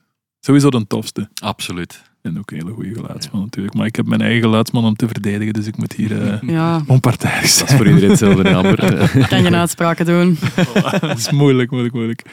Bon, we moeten door met de kalender, denk ik, eh, Thomas. Yes, we gaan terug onze, ja, ons maandoverzicht wat verder zetten. 17 tot 19 januari is het Eurosonic Showcase Festival. Peter, wat is dat voor iets, jong? Ah, wel, dat is een festival helemaal in Groningen, het topje van Holland. En dat is eigenlijk, eh, want ik wil dat er eens uithalen omdat dat niet zo bekend is. Er zijn ook soms festivals die enkel voor de music industry zijn. Dus dat zijn vooral boekers, eh, programmatoren, eh, festivalmensen, die gaan er naartoe en dan kunnen dan als band gaan spelen. En je moet daar heel goed je best doen. En dan met heel veel geluk komt de juiste gast van het juiste festival net bij u kijken. Of is er over uw band net op dat moment genoeg fuss dat er genoeg mensen bij u komen kijken en word je daarna misschien geboekt voor om op hun eh, festival te spelen. Dat is niet alleen in Groningen, dat is nu Eurosonic, maar je had dat vroeger hadden dat ook even in Gent. En je hebt er nog heel veel ah, die ik nu niet vergeet. Reeperbaan. South by Southwest. Iceland Airwaves. Voilà. The Great Escape. Voilà. Ah, goed, goed, goed. Great Escape is in Brighton, denk ik. Reeperbaan is in Hamburg. South by Southwest is in Texas, Austin, Austin. ja. En wat hadden we nog? Eh, Iceland. Iceland Airwaves, dat is Iceland. We hebben Eurosonic gedaan, Reeperbaan en dat in Brighton ook. En dat is zo'n moment, ik weet niet, als band, ik weet niet hoe dat, dat komt of wanneer dat, dat gebeurt, maar dan, dan mogen je daar gaan spelen, want dat is ook niet zomaar, ja, dat is wel wat moeilijk of zo om daar te geraken of om daar te mogen staan. En dan is dat direct, wow, we mogen op Eurosonic. En dat is eh, altijd in januari, in Groningen is dan Eurosonic. Dit jaar speelt daar als Belgen, toch even uithalen, eh, wat wij gevonden hebben, Hippotractor en Meltheads. Als twee enige Belgische bands, denk ik. Nee. Er zijn er nog meer. Nee. Oh man, Oh, er de harde. Twee Ja, enige Belgische ha- heavy. Excuseer, Ja, eh, ja, ehm, eh, wie nog, Stefan? Eh, Amber Bros. Blue Eye, Ja. Ah. Owl. Loverman. Hopla. Ja. Ja. Nog? Kijk, maar het feit dat jullie het kennen wil wel zeggen dat jullie het ook mee in doog houden. Dat vind ik wel zo een van die dingen dat ik, dat, ik, dat ik graag naar kijk van wie gaat er allemaal naar Eurosonic. Ja. Om dan ook zo een beetje te zien zo van wat gaat er volgend jaar zo allemaal, of in het komende jaar allemaal zo wat naar boven komen. Ik vind dat wel een zeer interessant iets. En los daarvan, Ja. ja, als je naar daar gaat, een eierbal eten. Hè. Ja, ik wou er juist over beginnen. 16 Belgische bands, mijn Hoe excuses. ziet. Ja. Nice. Jullie vorig jaar ook niet op Eurosonic ik wou net gespeeld? hetzelfde Ja, we ja, hetzelfde jaar gespeeld. hè? Ja, ik denk dat ik Marie heb zien rondlopen met haar gitaar daar toen. Ja. Dat kan heel goed zijn. Ja. Ja. Heeft dat voor jullie iets gedaan? Heb je het Dat gevoel? heeft heel veel gedaan voor Oké, ons. vertel eens. Ja, we zijn daarna, eh allee, dus eigenlijk vlak na Eurosonic, we kwamen van het podium af en we zijn toen direct gevraagd voor Reeperbaan in Hamburg. En dat heeft wel heel veel voor ons in gang gezet in Duitsland. Dus we hebben nu ook een, een Duitse agent ehm, die dat dus bookings doet. Eh, we hebben daar ook een album-release show gespeeld. Dat was allemaal heel kleinschalig nog. Ja. Maar er beginnen nu ook al festivals binnen te komen en shows en radio en zo. Eh, en, en in Nederland heeft dat ook heel veel eh, gedaan. Vooral op het vlak van dan, ja, pers- en ticketsales, waardoor dat nu ja, Nederland bijna harder gaat dan België op Wauw. momenten. Amai, super. En bij jullie? Ja, een beetje hetzelfde zo. Hier en daar een festivaletje bij. En ja, dat zit zo wat meer op managementniveau. Dus ik heb daar niet Ja. echt een idee van wat dat dan precies doet. Maar we hebben een goed jaar achter de rug, dus ik denk Ja. wel dat het eh, heeft meegespeeld. Ja, en ook gewoon daar staan is al wel zo, gelijk dat jij daar juist hebt, Peter, zo echt wel een schone stempel van approval of zoiets. Mhm. Dat is een beetje een, zo'n ja, een labeltje dat je zo krijgt van, nou ja, ze mogen op Eurosonic Ja, ja, en je kunt er ook maar één keer gaan spelen. Ja. Het is zo, Ja. je kans die je dan moet grijpen, dat moet je echt laten zien aan het podium. The Haunted Youth was vorig jaar ook zo wel Ja, een hele... Dat heeft heel veel gedaan. Exact, ja. Ja. Die hebben op veel festivals gespeeld daardoor. Dus ja, het doet echt wel iets. eh, dat is wel iets mooi om naartoe te werken als, eh, als beginnende band misschien wel. Hè. Het, het verhaaltje dat ik er nog over heb, is dat toen wij daar speelden, ik weet niet meer welke venue het was, maar het was een hele lange, smalle venue, met een deur in het midden en daar stond een security gast. Na de show wandelen we door de stad Groningen, hadden ze andere bands checken en zo, en, en dan gingen zo heel, oh Brutus, zoveel volk dat daar stond te wachten, ik kon daar niet binnen, jullie show, iedereen zegt dat je daar niet binnen kon, dat je daar niet binnen kon, maar ik stond op het podium en ik kon heel goed zien, in de diepte, de halfweg waar die security gast stond, die hield, hield iedereen tegen, maar achter hem was die zaal nog leeg. Maar ik weet niet of het die verkeerd gebriefd was of dat die gewoon, weet ik wel, aan het doen was. Maar er stond inderdaad een hele rij, want dat ze konden ook zien van op het podium, maar die mensen mochten gewoon niet binnen, want er was nog superveel plaats. En toch waren we zo een beetje onder de Belgen dan in zo de Canarie of noemt die café daar, waar alle Belgen samenkomen.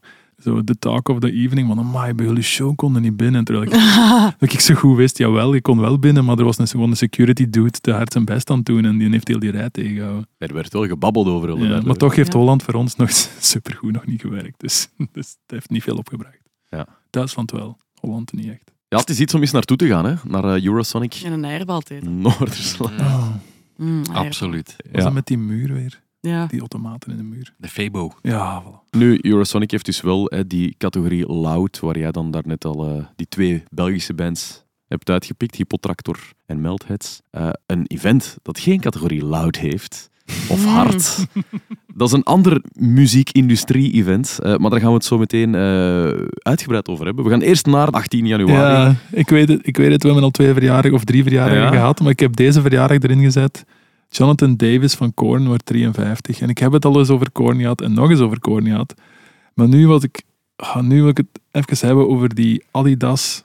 Dus Adidas is een merk van sportkledij dat we allemaal kennen. En Adidas is ook een song van Korn, 20 jaar oud. Ehm, die staat voor, die letters staan voor, ik zal de song even afspelen, dan horen we dat. Meteen komt ook Feel Die, heel herkenbaar in. Born in a sea, somehow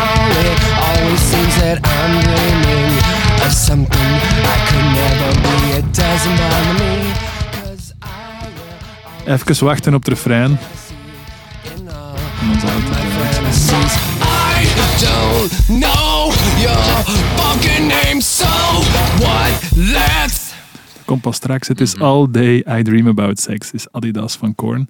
Nu, dat nummer is van 1996, Life is Peachy.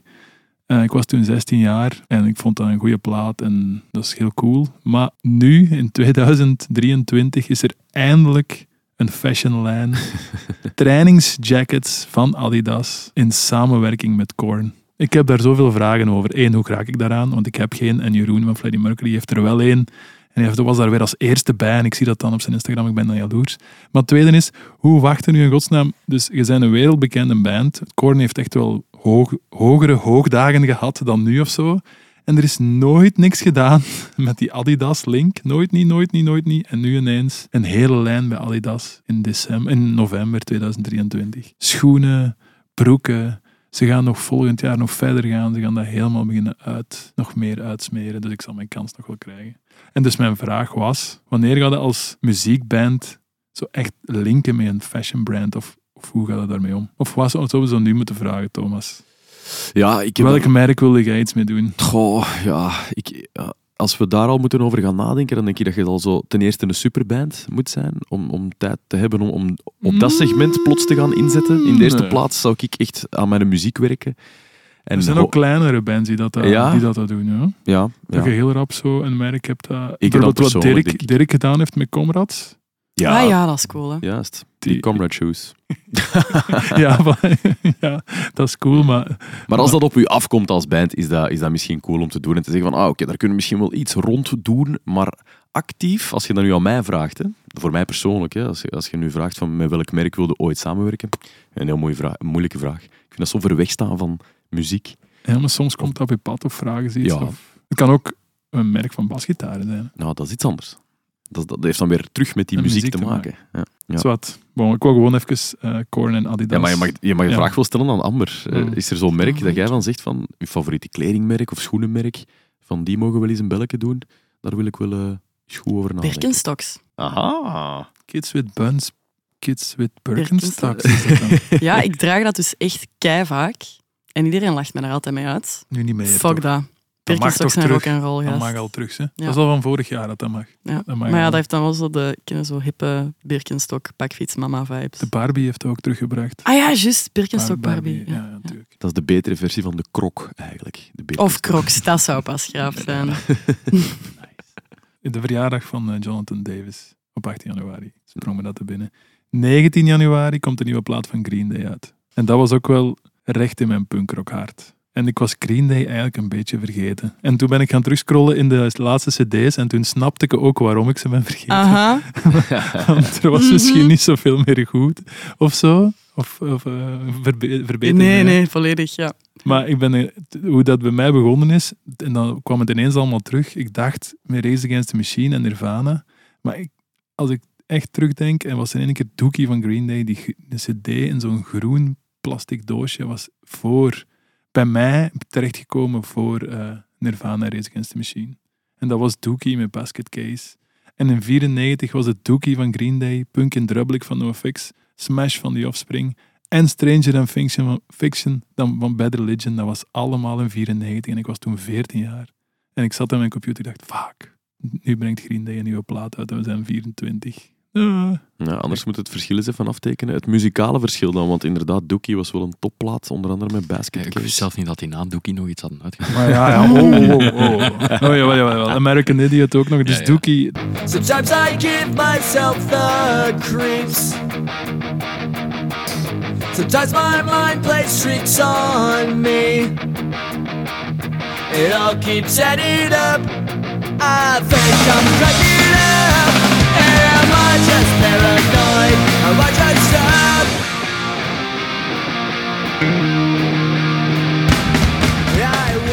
maar er was nog wel iets na Dookie. Vond ik toch.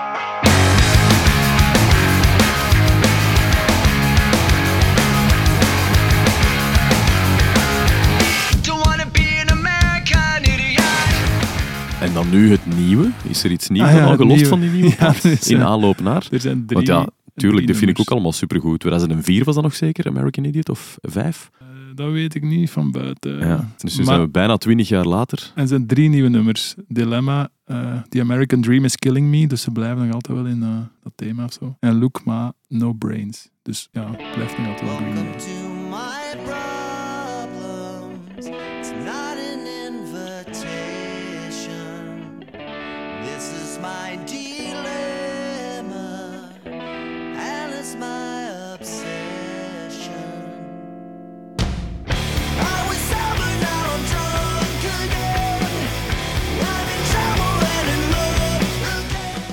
Dat is Green Day, hè. Ja. Dat is een su- formule die al hetzelfde is van in 94 nu niet, dus dat er misschien nog iets meer edge in, maar toch vanaf een paar jaar later. Maar gewoon met minder goede riffs. Raakt dat op dan? Hoe Ik, werkt niet, dat ik vond dat laatste album van Green Day wel echt niet zo goed. Ik heb het niet geluisterd. Ja, dat was... Ik weet zijn titel zelfs al niet meer. Welk Er jaar stond iets dat? van Motherfuckers in de titel, denk ik. En het is wel een band waar ik nog een ticket voor zou kopen als ze naar een festival komen. Dat wel. Ja, Dat wel. Maar ja, ik ben hem een beetje verloren met een tijd. Maar ja. ja, laat ons vooral hopen dat ze nu terug zijn met een sterker album en dat ze ons terug eh, in vuur en vlam kunnen zetten Of- op eh, de Belgische festies. Tja, Of niet, en dat ze gewoon Boulevard of Broken Dreams komen, komen spelen ergens en dat kan gewoon meelullen. Alleen, dat is toch...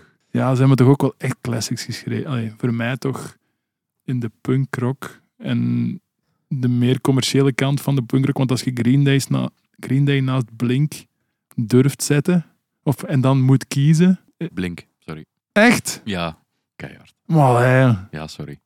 Oké.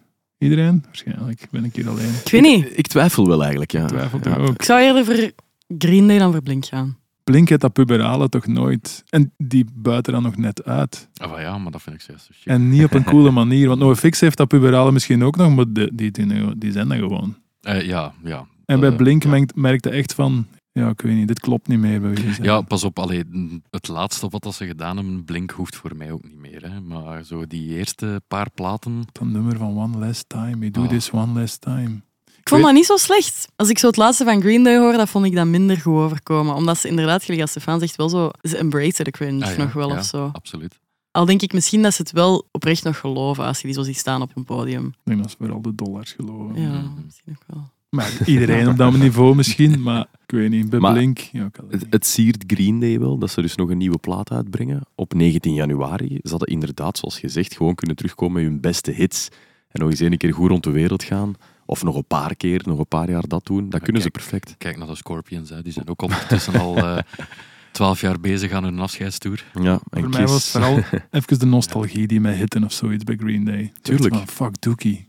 En in dezelfde dingen, Alkaline Trio brengt dit deze maand ook een nieuwe plaat uit. Dat is dan de gast die er bij Blink aan de deur is gezet, omdat een Tom de Lang per se wou terugkomen en die er even de meubelen heeft moeten redden. Maar nu gewoon, en nu heeft hem ook zijn Blood, Hair and Eyeballs, noemt de plaat. Zeer benieuwd. Ik heb Alkaline Trio altijd wel een hele...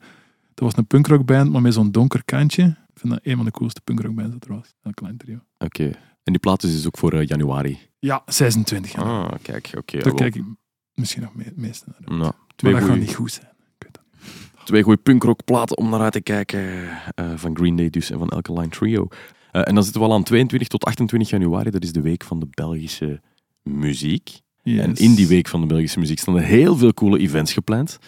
Eh, en vooral, wat kan je zelf doen? Eh, je kan zelf ook acties registreren op de website. En dan worden die daar getoond. Eh, dan zie je zelfs zo een kaartje van België waar je wat allemaal kan volgen. Zoals onder andere de show in de Cactus van Skemer en Pruilip op 25 januari. Of, en ik heb er een hele legendarische uitgehaald, de Belgische punk- en metalavond in Muziekcentrum Perron in Hamme door DJ Luke de Puke.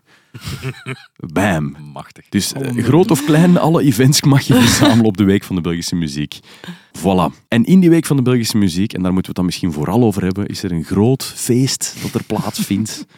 Los in het midden. En dat zijn natuurlijk de Mias. Op 24 januari. De Maya's. Oh ja, wacht. Ik ben aan het wachten. Mia's.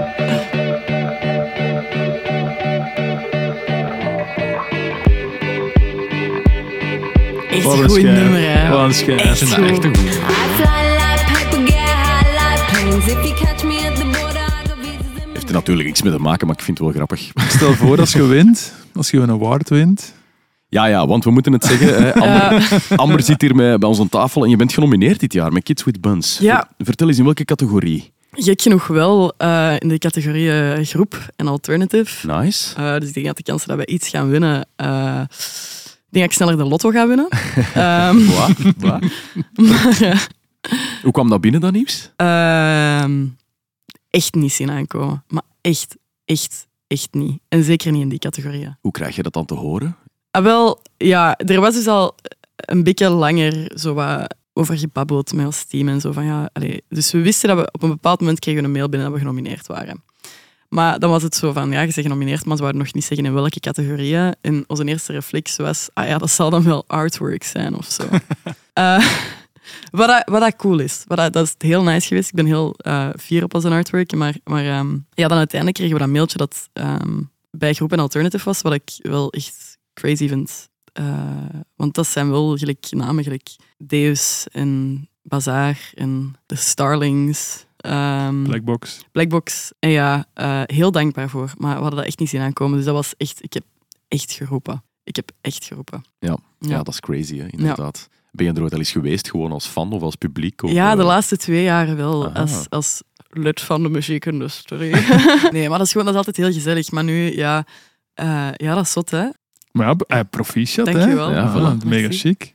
Merci. Hopelijk kunnen er eh, een van die twee eh, beeldjes mee naar huis Ja, pakken. en anders ben ik al blij dat ik aan zo'n tafel heb mogen zitten. Voilà. Dat hebben we En dus- gezegd. Ja, dus Ja. voor de mensen thuis, die zien dan de show op tv. Ja, maar- of je kan er ook naartoe gaan hè, als publiek. Ja. Ah, je kan er ook 24 naartoe gaan. januari. Ja. Het is in het Sportpaleis nu ook dit jaar. Ja. Ja, het is veranderd. Hè. Ja. Wat we wel moeten zeggen is natuurlijk op, op Eurosonic, daar hadden we het daar straks over, daar is wel een categorie loud. Ja, En dan hier, als je dan gaat, de lijnen gaat trekken naar de Mia's, ja, Ja, maar ik alternative vind- is dan ja. het, het, het zwaarste dat je eruit ja. kunt krijgen. Ik vind dat echt zo jammer, want allee, er zijn zoveel goede heavy bands in België, zware bands in België, dat geloof mij het betere exportproduct zijn van dit land tegenover sommigen van de anderen, dat, Ja. en zonder te niet te doen. Hè. zeker op internationaal Ja, vlak. Gelijk ja. al die, er zijn heel veel zo van die grote Belgische alternative bands, gelijk Bazaar of zo, die dat in België huge zijn, maar daarbuiten niks doen tegenover. We hebben zoveel metalbands toch, die dat op internationaal vlak echt potten breken gewoon. Terwijl er niks op te zeggen valt, die alternative reeks met Warhouse,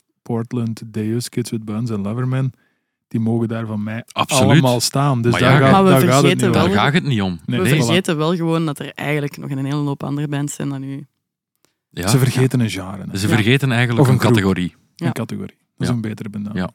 Hoe gaan we dat oplossen? Ja, door gewoon te zeggen, hallo liefste mensen van de Mia's. Willen jullie tegen volgend jaar een nieuwe categorie in het leven lopen? Het zou tof zijn, dank u wel.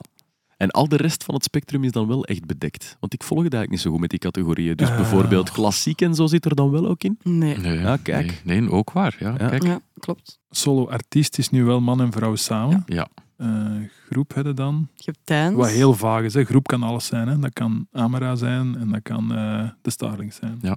Dus dat is crossgenre. Doorbraak is crossgenre. ook- Alternative is dan een genre. Dance is een genre. Hip-hop is een genre. En pop is een genre. Maar je hebt wel zijn eigenlijk vier. apart Nederlandstalig en zo Vlaams klassiek. Dus Vlaams klassiek Ja. is zo slager en Nederlandstalig is dan nog eens... een- Dat is, dat is zot, hè? Maar als je Ja. kijkt naar wie dat er dit jaar genomineerd is in Nederlandstalig, valt denk ik voor 80% samen wie dat er genomineerd is in pop. Dus waarom hebben we wel een categorie Nederlandstalig, maar geen categorie rock?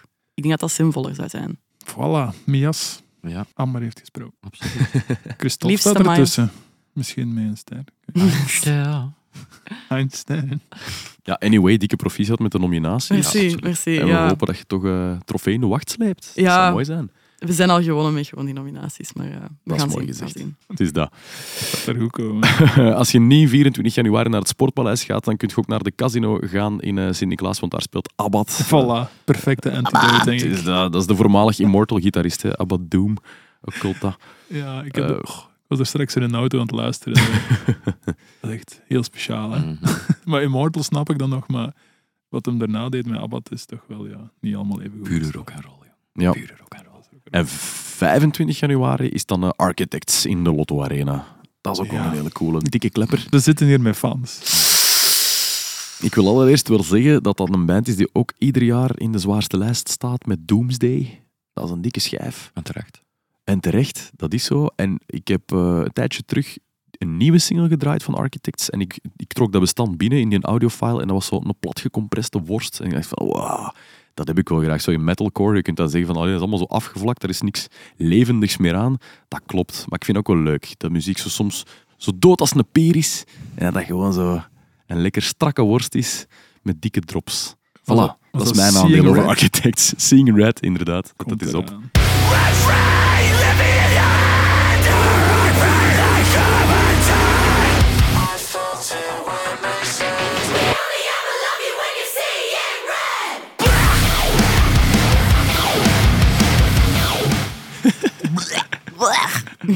Maar ik zie hier ook nee-schudders. Ik zie hier eh, kopjes gaan van, ah, ja, ja, Ik vind het jammer. Kijk, ik ga het eerlijk zeggen. Ja? Eh, ik ben waarschijnlijk te oud aan het worden. Mm, laten we het daarop steken. Ik weet het niet.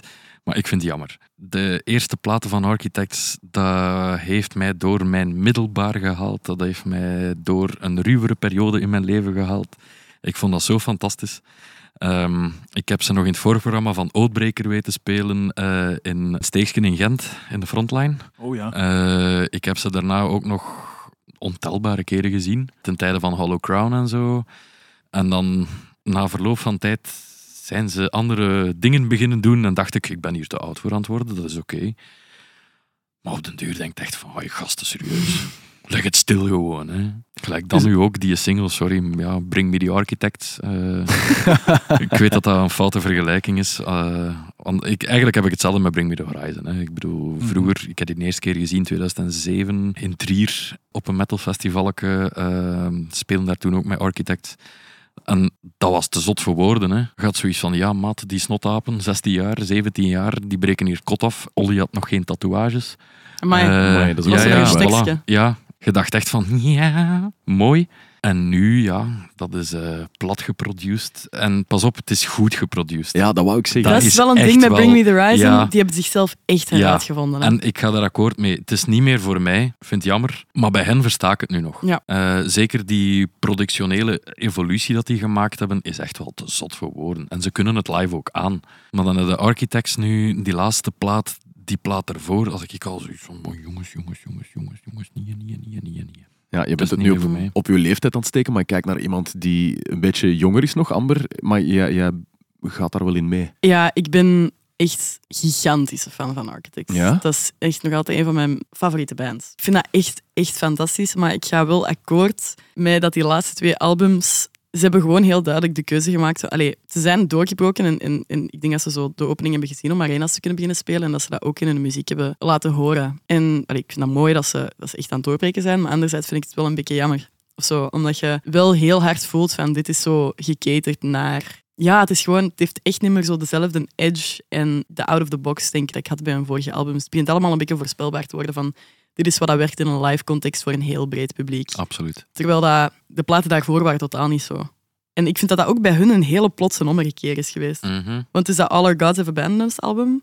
Super. En direct daarna is hij ineens bijna 180 graden gedraaid van een super experimentele band naar eigenlijk iets vrij voorspelbaar, vind ik. Niet slecht, maar het doet mij niet meer evenveel als vroeger. Ik volg u volledig. Er is een album, maar ik, weet, ik ben geen architect van, dus ik weet niet juist waarvoor dat ze de dag voordat het uitkwam zo'n soort van excuus-post hebben gedaan op Ik hun denk dat dat de Facebook. laatste was. En dat was 2022, dus dat gaat vorig jaar geweest Ja, zijn. het was zo een post about creativity begon dat. En dan zo'n hele uitleg. Als je tussen de regels las, allee, als ik tussen de regels lag, dat we bij mij is binnengekomen, was het toch zo van, ja, sorry voor wat we gedaan hebben. Je gaat het niet goed vinden, maar we zijn wie dat we zijn en dit is wat we willen doen. En dat vind ik wel erg als je op dat punt komt als band, dat je je al voor je plaat uitkomt, een beetje moet gaan excuseren, omdat waarschijnlijk ook, die voelen dat ook, of die hebben ook bepaalde keuzes gemaakt. Er stond ook zo'n zin in, we zijn geen 16 meer, we zijn nu 34. En ja, dat, ik ga ze niet verdedigen of zo, zeker niet, maar je, blijft ook niet de zotte band. En er zijn zoveel bands die zot waren in het begin en die zich dan afgevlakt hebben, die ouder worden, die, dat, dat hoort er zo een beetje bij of zo. Maar de manier waarop je toe, Stefan, en ik ben het helemaal met je eens.